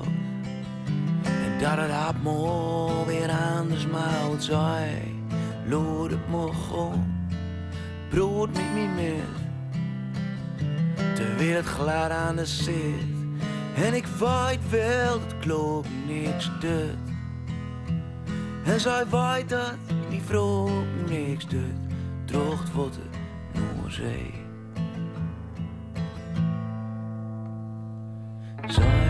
Zei mijn drinken maar aan. Er is nooit genoeg. Venstril zon en lucht. Zij lood het mogen. Zink met niet meer.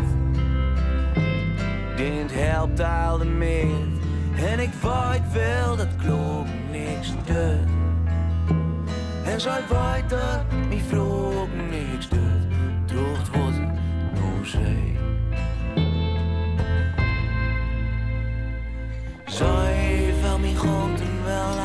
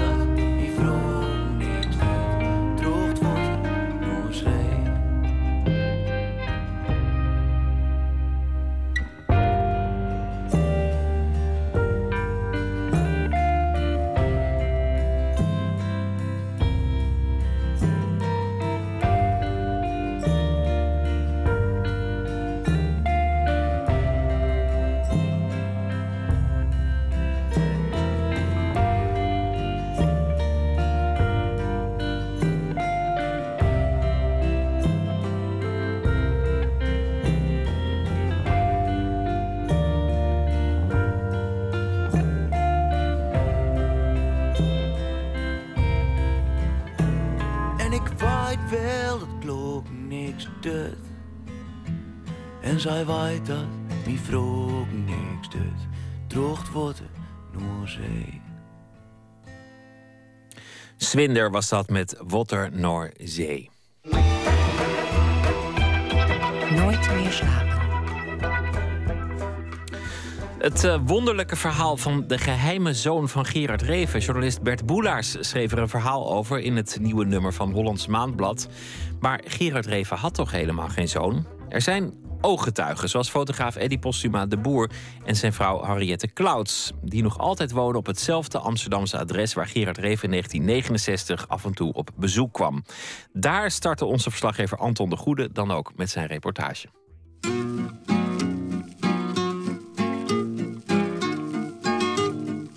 Reven, die woonde in, in de plantage Kerklaan, heet dat geloof ik. Die kwam hier eh, de foto's bekijken. En om daar even een gesprek over te hebben. Maar toen hij binnen was, toen vertelde hij... Ja, nou, kijk, eh, eh, mijn zoon die komt straks, mag die even binnenkomen... want die komt straks even langs. En verdomd, een kwartier later ging de bel. En er komt een man, een jonge man binnen... En die had een, voor, oh, een, gelijkenis met Reven, eenzelfde soort eh, gezicht. En, dan, nou, en die kwam daarbij zitten en dachten wij, nou ja, dat is een zoon. Hij zat keurig op de bank en, en zei dus, mijn zoon komt zo. Dus we deden open en dan komt een jongen binnen die inderdaad precies op hem lijkt. En ik zei tegen Gerard, maar ik wist helemaal niet dat jij een zoon had. Waarom heb je ons dat nooit verteld? Ja, dat is mijn geheime zoon. Nou, en die jongen die zat er heel braaf naast. En die heeft die rol dat, al die tijd heel braaf meegespeeld. Die heeft niet gezegd, ik ben helemaal geen zoon van Gerard. Nee, die zat er braaf bij. In aanbidding naar Gerard te kijken. En verder, daar lieten ze het bij. dus wij bleven in raadselen achter. En ik heb nooit geweten of dat nou, hoe dat nou zat.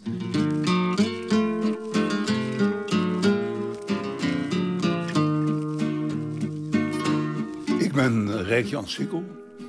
In 1969 heb ik uh, vriendschap gehad met Willem van Albara, de vriend van Gerard Reven. En daardoor kwam ik veel bij hun over de vloer. Reven heeft mij aan een heleboel mensen als zijn zoon uh, voorgesteld. Hij vond dat zelf prachtig. Het was niet alleen een spel, maar het gaf hem ook een goed gevoel. Ik heb het spel nooit meegespeeld. Ik heb altijd uh, erbij gestaan, mijn mond gehouden, een beetje gelachen, vriendelijk. En Wilm heeft wel eens tegen Gerard gezegd van... Je moet ermee ophouden, want jij krijgt hier nooit problemen mee... maar Rijk Jan later wel. En Gerard dat van de zoon dat ging zo ver dat hij een, een soort Manchester pak wat hij had... Dat wilde hij heel graag dat ik dat droeg, want dat waren zijn kleren. En dat heeft hij toen helemaal uitgehaald, omdat het net iets langer en breder was dan hij. Om het nog maar enigszins passend te maken. En dat heb ik ook wel eens aangehad, maar het knelde aan alle kanten. En wat bedoelde Willem met dat je er mogelijk problemen mee zou krijgen? Dat heeft hij nooit gezegd, maar uh, hij bedoelde daarmee dat uh, Gerard mocht alles, wat hij ook zei. En dat was juist in mijn ogen een van de problemen voor Gerard. Dat uh, niemand hem corrigeerde. Maar bij mij lag het natuurlijk anders. Van, uh, uh, als ik later te horen zou krijgen dat ik me voordeed als de zoon van een groot schrijver... dat is toch wel een wat rare zaak. Heb je daar ooit problemen mee gekregen? Mm, nou, jij zit hier nu om erover te vragen, dus dat is het eerste probleem. Want je hebt er nooit over gepraat? Nee, Nee.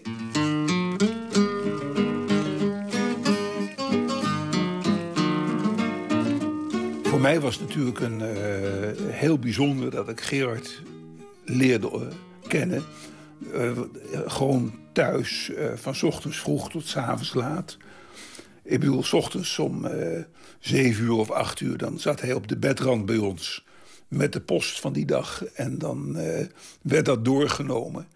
En nou, dan deden zij hun dingen en uh, ik deed... Uh, um, ik heb een scriptie daar geschreven en uh, zaken voor Nieuw Lila heette dat. waarmee we het COC hebben opgeschud. Dat heb ik ook op de typemachine van Gerard mijn kleine aandeel geschreven. En ik denk dat toen ik weg was... dat Gerard de typemachine helemaal ontsmet heeft. Want van links moest hij natuurlijk niks hebben.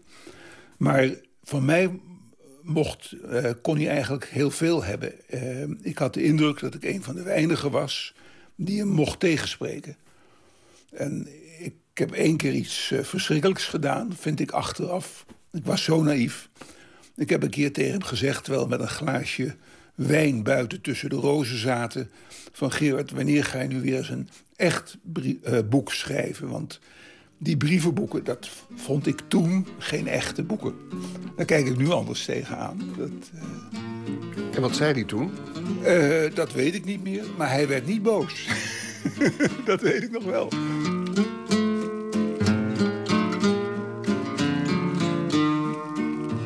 Het was een ingewikkelde tijd. Aan de ene kant was ik uh, heel volwassen. Ik beheerde een kampeerterrein uh, ik zat uh, als penningmeester in een kroegbestuur van Unitas. En aan de andere kant was ik echt nog een broekie. Dat was in 1969. Volgens mij was het ook het jaar van de maagdenhuisbezetting. Er gebeurde heel veel in de wereld. Langzamerhand kwamen er ook andere opvattingen over seksualiteit. En toen kwam ik ineens uh, in de familie van Willem en Gerard... die in mijn ogen veel en veel verder waren dan ik was. Ja, want jij worstelde met die seksualiteit, zou je dat kunnen zeggen? Mm, ik worstelde er niet mee. Ik trad uh, heel erg naar buiten. Ik ben een van de oprichters van de homoseksuele studentenbeweging geweest in die tijd. En uh, daar deed ik wel veel voor, maar dat betekende niet dat ik nou emotioneel goed in mijn vel zat. Het, het, lukte me bijvoorbeeld niet om een leuke relatie te krijgen, althans die langer dan een paar nachten duurde. En toen kwam ik uh, bij Willem en Gerard. En Willem is een ontzettend lieve man. Die voor iedereen aandacht heeft, zorg heeft. Eigenlijk door hem kwam bij mij het idee van... nou, het is, moet toch mogelijk zijn als er zulke mensen rondlopen... om een relatie te krijgen. Uh, de moeilijkheid was natuurlijk... Willem had al een relatie. Eén keer toen hij ruzie had met Gerard... toen uh, zei hij van... als je wil dat ik wegga, moet je het nu zeggen... want nu kan ik nog een ander leven opbouwen. Nou, uh, en toen keek hij mij aan en misschien uh, wil Rijk Jan wel met mij verder. Nou, ze zijn samen verder gegaan. En ik ben heel actief op zoek gegaan naar een eigen vriend.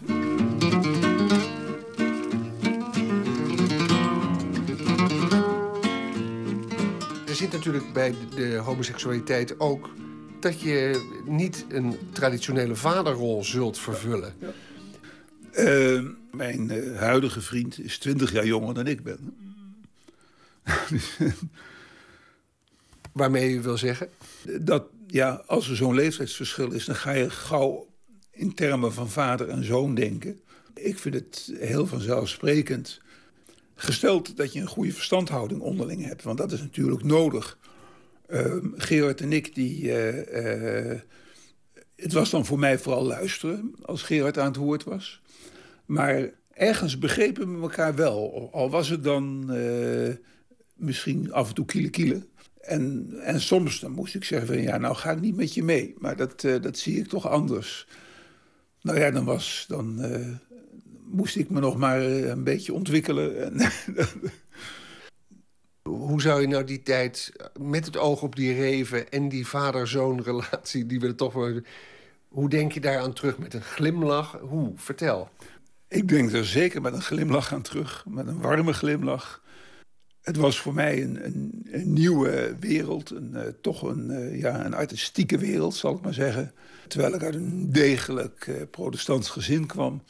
Ik heb daarvan genoten. Ik heb een warme vriendschap van hun gehad. Ik ben dus ook heel erg blij dat ik met Willem en Hendrik... Tijger en Woelrad nu nog steeds vriendschap heb. En natuurlijk waren er wel eens momenten dat ik dacht van, moet dit nou? Maar dan was ik ook weer blij dat ik Willem een beetje kon bijstaan. En ja, ik, ik denk er dus eigenlijk met vooral genoeg aan terug.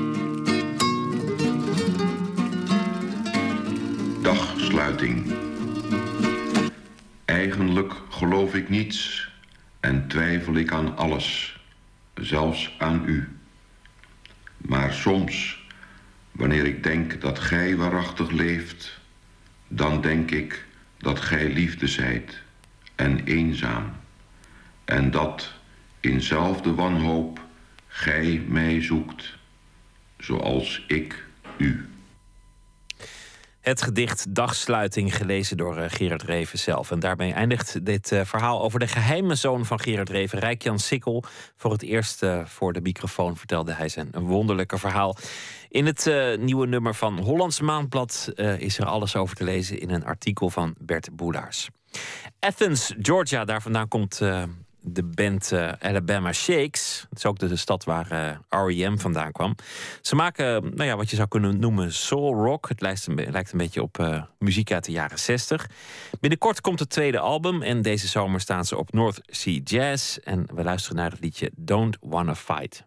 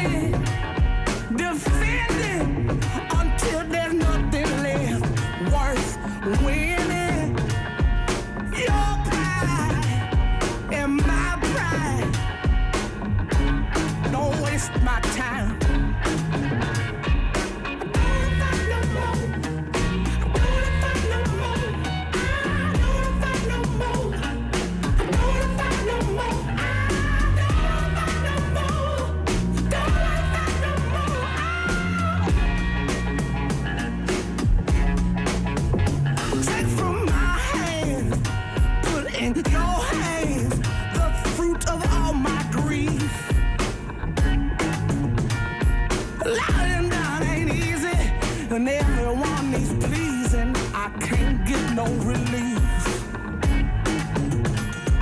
No the constant dedication, keeping the water and power on. There ain't no money left. Why can't I catch my breath? I'm gonna work myself to death.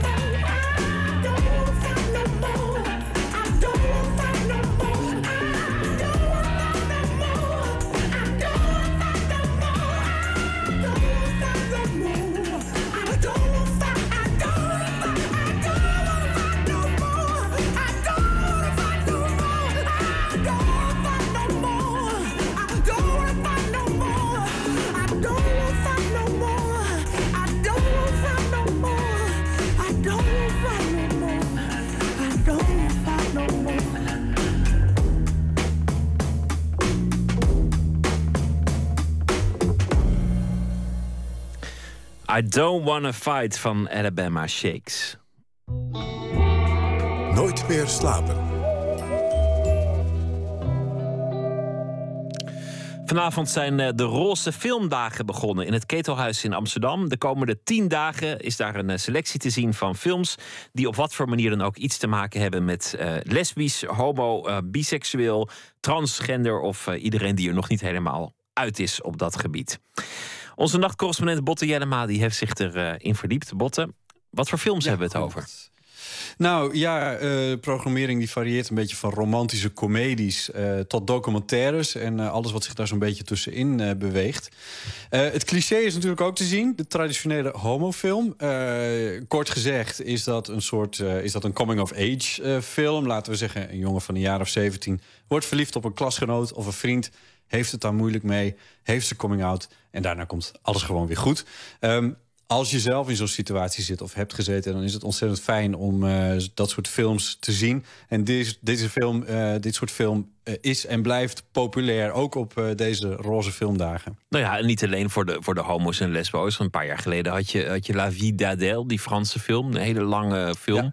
En het was een, was een gigantisch succes, was dat. En dat was, dat was echt zo'n typische lesbo-film. Uh, die, dat soort films heb je. Um, en, maar het leuke van zo'n festival is dat er dus ook dingen vertoond worden... die uh, niet per se op een andere manier zou kunnen komen te zien. Uh, wat nu bijvoorbeeld al wel vertoond wordt, is de, de film Lilting. die komt wel in een Nederlandse bioscoop, maar officieel pas over een maand. Um, en dat is een Britse film met Ben Whishaw in een van de hoofdrollen als Richard... En uh, in deze film overlijdt de vriend van Richard. Vandaar dat het op het, de roze filmdag is te zien. Uh, en uh, Richard gaat op zoek naar de Chinese ouders van zijn vriend. En dat wordt een heel drama, omdat de moeder van zijn vriend niet weet welke rol Richard in het leven van haar zoon speelde. I'm a friend of her son's. I'm sorry. 他干嘛要来这儿？ Yes. Why have you come here? If only she liked you. Make this a lot easier. 凯是我唯一的儿子。 He was my only child. He was my life. He was my. Ja, wat was hij dan? Ja, leg dat maar eens uit. Als je, moet je dan de coming-out doen van die vriend? Het is ingewikkeld allemaal. Andere film, Mexicaanse film, die je hier ook niet zo snel anders uh, te zien zou krijgen. Biografische film over uh, een uh, priester die drank en drugs gebruikte en kinderen misbruikte. Mexico was behoorlijk geschokt over deze film. was hier dus ook nog niet te zien. Een zwaar thema. Um, maar niet alleen die zware thema's zijn er, er zijn ook comedies en er zijn ook documentaires. Bijvoorbeeld de première van de Nederlandse productie Over the Rainbow. Ik heb nooit het gevoel gehad dat ik iets miste. Maar de liefde is voor mij bijna een leven lang een raadsel geweest. Vriendinnen vragen soms of ik denk dat ik de boot heb gemist. Dan zeg ik nee. Je bent verantwoordelijk voor je eigen lot. Ik heb gewoon andere keuzes gemaakt. Ja, Over the Rainbow. Over the Rainbow is een gefilmd portret van de 82-jarige uh, Leni. Gemaakt door fotograaf en filmmaker Tara Fallot. Uh, Leni is haar oud, uh, een oud-tante van haar. ik heb Tara vanmiddag even opgezocht. En ik vroeg wat voor vrouw deze Leni is. Ik kwam haar vooral tegen op verjaardagen bij mijn opa. Een hele actieve, avontuurlijke vrouw.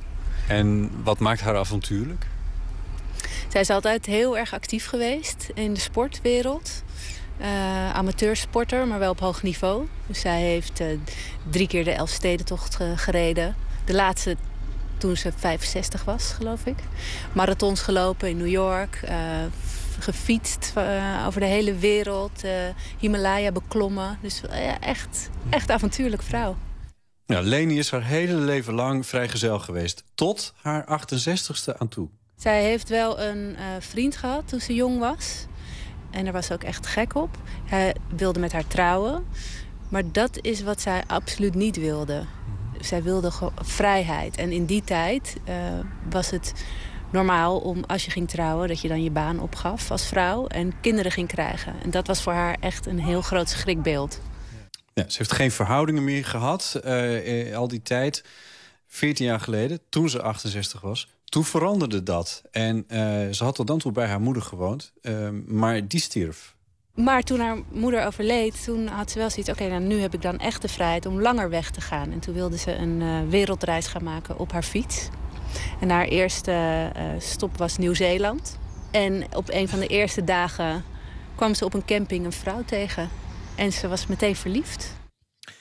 68 jaar oud en uh, dan uh, uit de kast komen. En toen heeft ze zich ja. ook vol daarna in het, uh, in, in het lesbische leven gestort. Ja, ja joh. Ze, ging, op, ze gaat op vakantie met lesbische vriendinnen naar Lesbos. ze gaat heel vaak naar disco's. en ze gaat, dit heb ik niet verzonnen, het is echt waar. Ze gaat naar het Pinkster Pottenkamp. Uh, ja, ze is echt uh, super actief en uh, schijnt heel veel vriendinnen te hebben nu. lesbische vriendinnen op, nou ja, nu is ze inmiddels in de tachtig. ze heeft het lesbische leven totaal omarmd. op zichzelf is dat natuurlijk opmerkelijk, een coming-out als je bijna 70 bent. Maar Tara gaat het eigenlijk vooral om het portretteren van deze bijzondere vrouw. Want zij hoopt dat de film mensen inspireert voor mij gaat het helemaal niet per se over het lesbisch zijn, maar over uh, vrijheid vooral. En te mogen zijn wie je bent. Je hoort mensen van in de zeventig meer achter de geranium zitten. En zij heeft ook geraniums op de balkon, maar ze is nooit thuis. En zij kent veel meer mensen dan uh, voordat ze uh, lesbisch werd. gaat eigenlijk ook over meer dan alleen eh, geaardheid. Hè? Ik bedoel, het gaat ook over Ja. zelfontplooiing en erachter komen dat je anders wil leven. Ook al ben je misschien al eh 70 of eh 80 voor mijn part.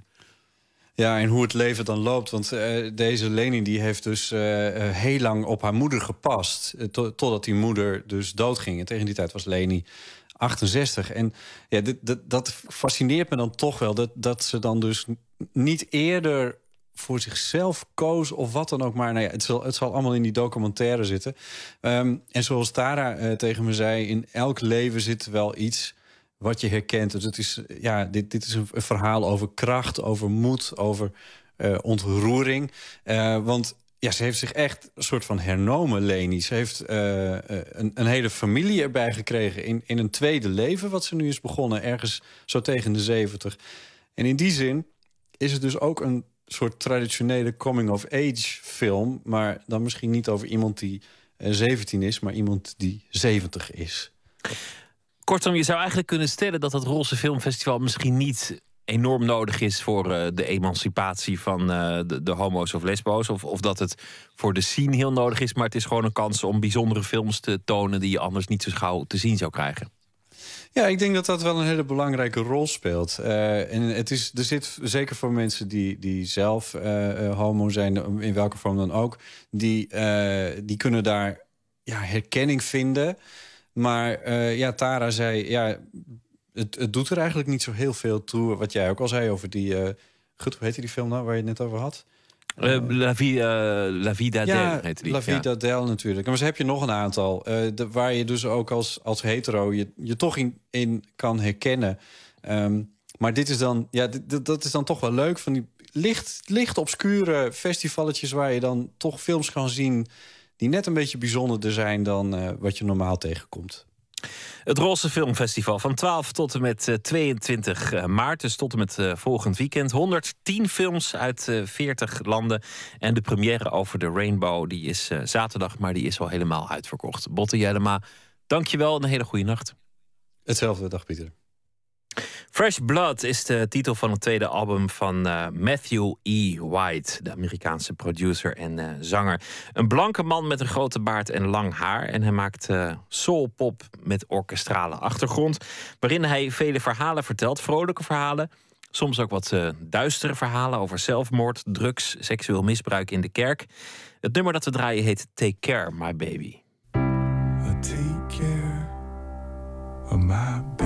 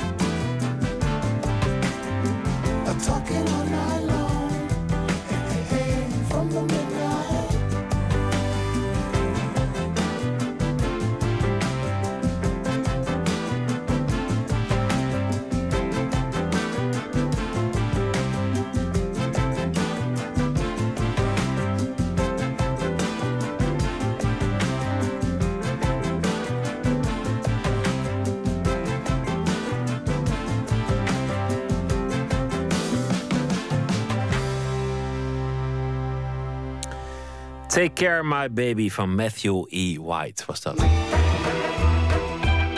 Nooit meer slapen. Normaal gesproken, in de regel, werken schrijvers en tekenaars eh, alleen aan hun werk. Voor het stripboek Fauser werden negen schrijvers en negen tekenaars door de uitgever Wintertuin uitgedaagd om het een keer samen te doen. Het werd een verhaal over een reaguurder, iemand genaamd Fauser. Dat personage heeft de neiging alle kanten op te schieten. En Nicolaou spreekt met de schrijver Walter van den Berg en met de tekenaar Olivier Heidegers. Ik dacht dat het eh ongelooflijk eikels waren. En natuurlijk waren het ook eikels omdat ze dat eh, deden. Maar ook echt van die heel gemeen uitziende mensen en zo. En eh, ik heb later een van mijn reaguurders leren kennen. En dat bleek een hele lieve jongen te zijn. Reaguurders. Een jaar of tien geleden begonnen ze het internet te bevolken en ze zijn nooit meer vertrokken. Ze zijn er gewoon en je kan ze hoogstens negeren. Schrijver Walter van den Berg bezweert dat hij zelf nog nooit gereaguurd heeft. Maar hij heeft wel last van ze gehad toen hij nog fanatiek zijn weblog bijhield. Ik, ik schreef dan een gezellig stukje en, eh, en, en zij eh, schreef er dan een ongezellige reactie onder. Het was wel duidelijk dat zij op bezoek kwamen om gewoon een kutreactie te plaatsen. Dat, dat was hun lust in hun leven. En eh, sliep je daar slecht van? Eh, ja, het- soms toch wel. Het, eh, het, wat je vaak op internet ziet is dat mensen eh, vergeten dat ze met andere echte mensen te maken hebben. Walter van den Berg werkte samen met tekenaar Olivier Heiligers mee aan een stripboek over een reaguurder, genaamd Fauser. Ook Olivier Heiligers zegt dat hij zelf nooit gereaguurd heeft. Maar leest wel al die reaguursels van anderen. Ja, soms lees ik dat toch wel. Ik weet niet wat dat, eh, wat dat is. Ik zie ook wel in eh, dat, het, dat het niet echt iets toevoegt, maar toch eh, ja, trekt het mijn blik wel, moet ik zeggen. Een soort ramptoerisme. Misschien, ja, zoiets. In 2008 al lanceerde de uitgeverij van Literair Festival Wintertuin het idee om een stripboek te laten maken door romanschrijvers en tekenaars, die in koppels steeds één hoofdstuk op zich zouden nemen. Het verhaal zou moeten gaan over Fauser, een reaguurder. Olivier Heiligers was de eerste die hem mocht tekenen. Hij maakte er een kale, wat saai geklede figuur van, met een vierkant hoofd. Ja, hij is dus kaal en ik vond het wel leuk dat hij nog één plukje haar heeft op de voorkant van zijn hoofd, wa- waar hij dan, zich dan aan vastklampt. Het is niet zo'n hele kwaaie reaguurder, maar het is wel een beetje een lul, denk ik. Dat, eh, en ik denk dat dat, hij, dat, dat, dat qua uiterlijk, qua het getekende uiterlijk van Olivier, dat, dat, dat hij dat heel goed heeft, eh, heeft aangeraakt, eh, dat lul zijn.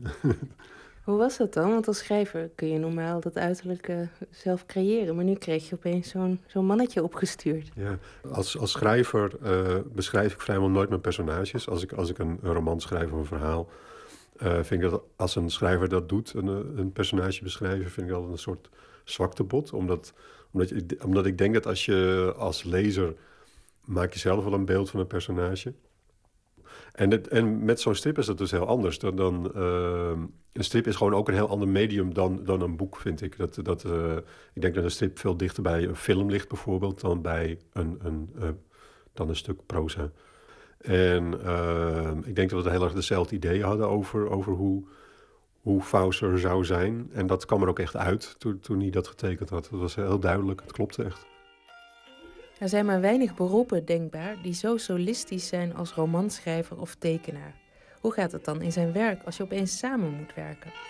Elkaar nooit ontmoet. We hebben voor het eerst hadden we afgesproken in uh, Café Americain uh, van Hotel Americain. Ik dacht, het moet een literaire strip worden, dus uh, dan gaan we daar maar zitten. Misschien helpt het.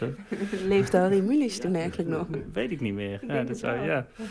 Maar ja, het leuke was dat we, uh, Walter uh, die uh, vertelde me dat hij vroeger zelf ook striptekenaar wilde worden. En, en dat ook heel en ook best wel veel strips gelezen had, vooral Amerikaanse.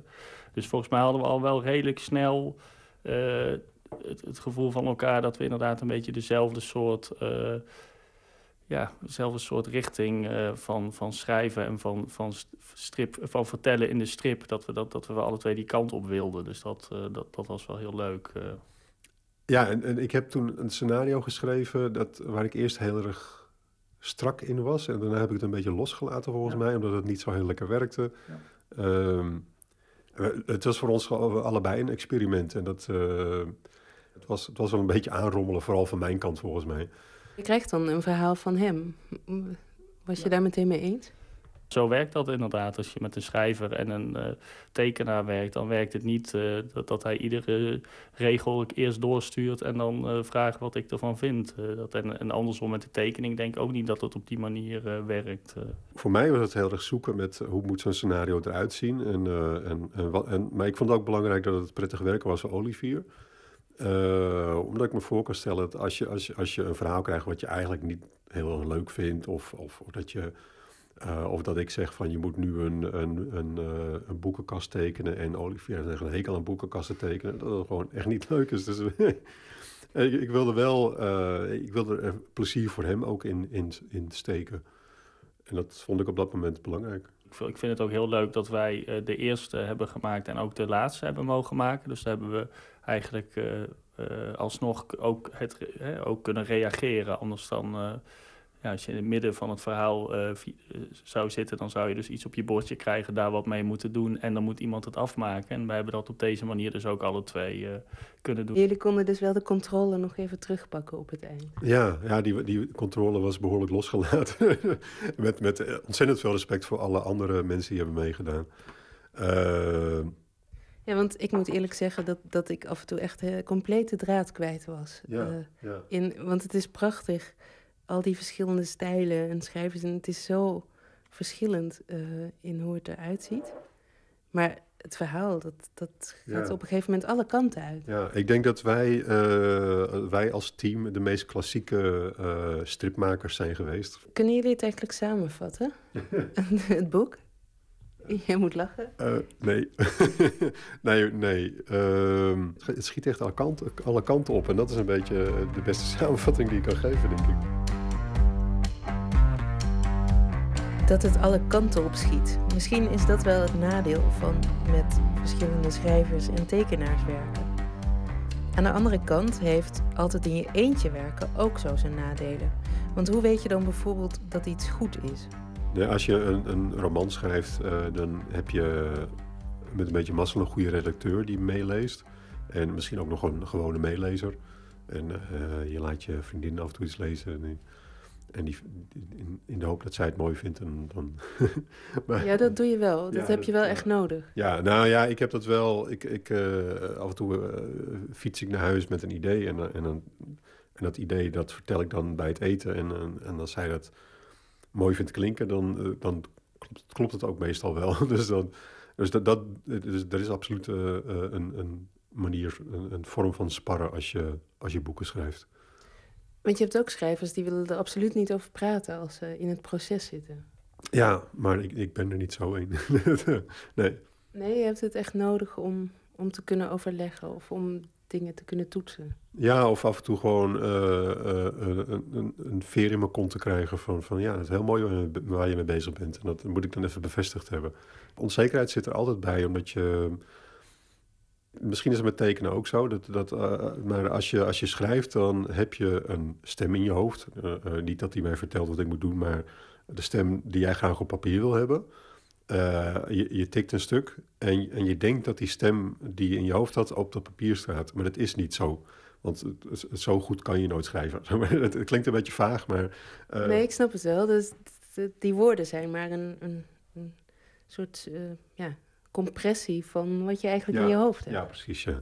En, en op, op dat moment dat je dat schrijft, denk je, briljant, ik tik lekker door. En, en het kan zijn dat je als je de volgende dag naar kijkt dat gewoon uh, niet zo briljant is.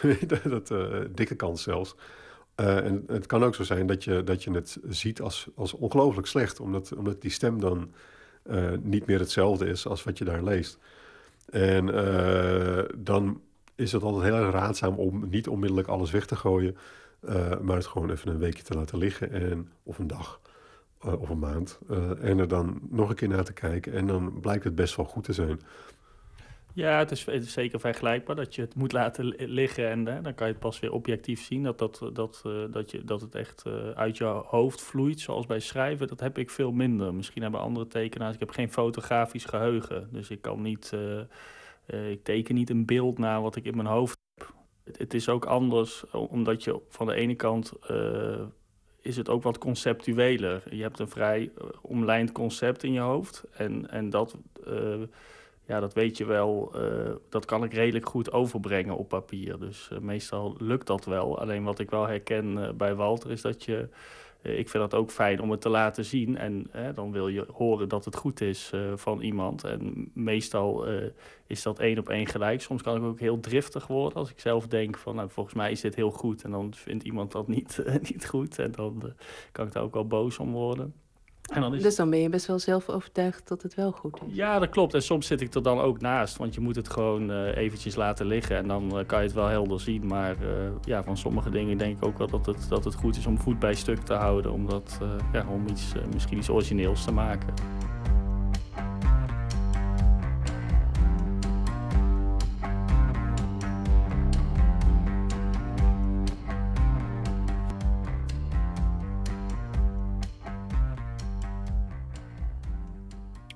Walter van den Berg en Olivier Heiligers in gesprek met Emmy Colau over Fauser, een stripboek uitgegeven door uitgeverij Wintertuin. 13 en 14 maart zijn de Britse zusjes Kitty en Daisy in Nederland voor concerten. Vergezeld door hun broer Louis spelen ze in Paradiso in Amsterdam en in Enschede in Attack. Het nummer dat we gaan draaien is uh, The Third Bye Bye Baby. Of van het album The Third, het nummer Bye Bye Baby. Hier zijn Kitty, Daisy en Louis The Third.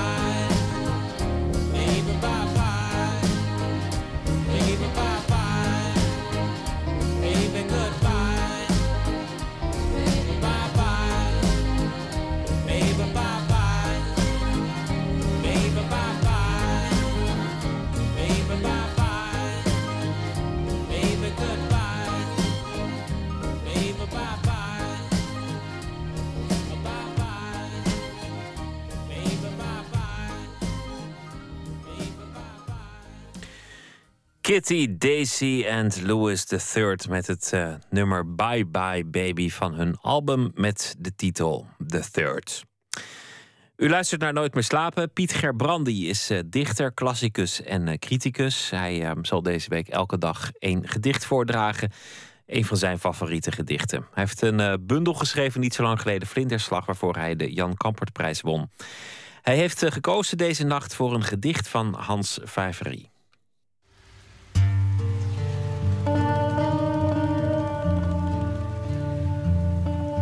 Ik wil een gedicht lezen van Hans Favery, overleden in 1993, geloof ik. Een gedicht uit de bundel Tegen het Vergeten uit 1988.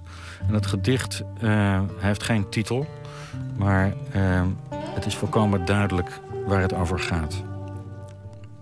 Geloof me toch.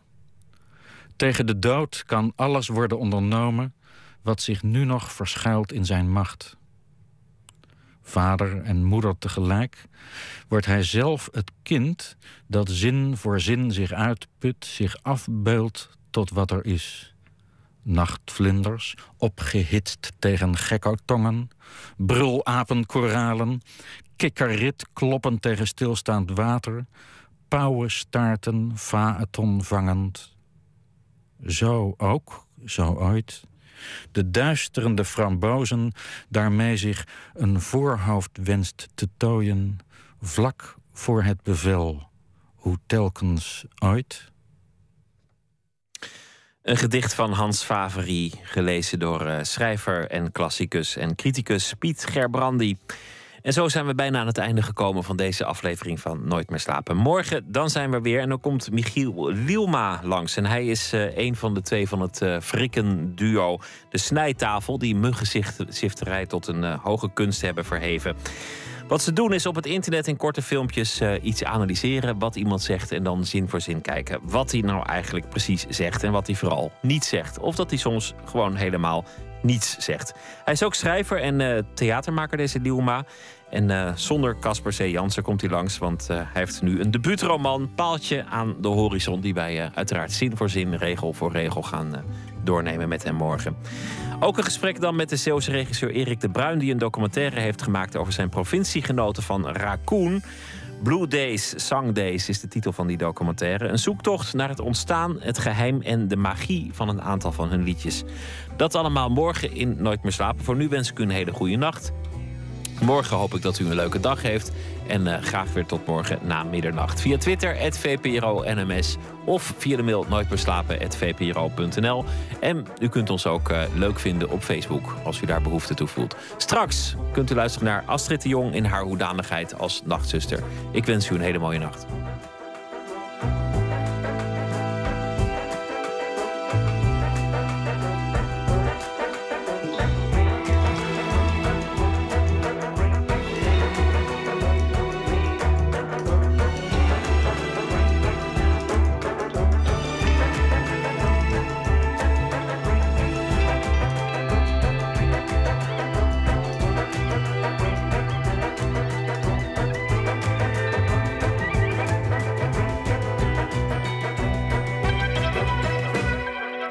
Radio 1. Het nieuws van alle kanten.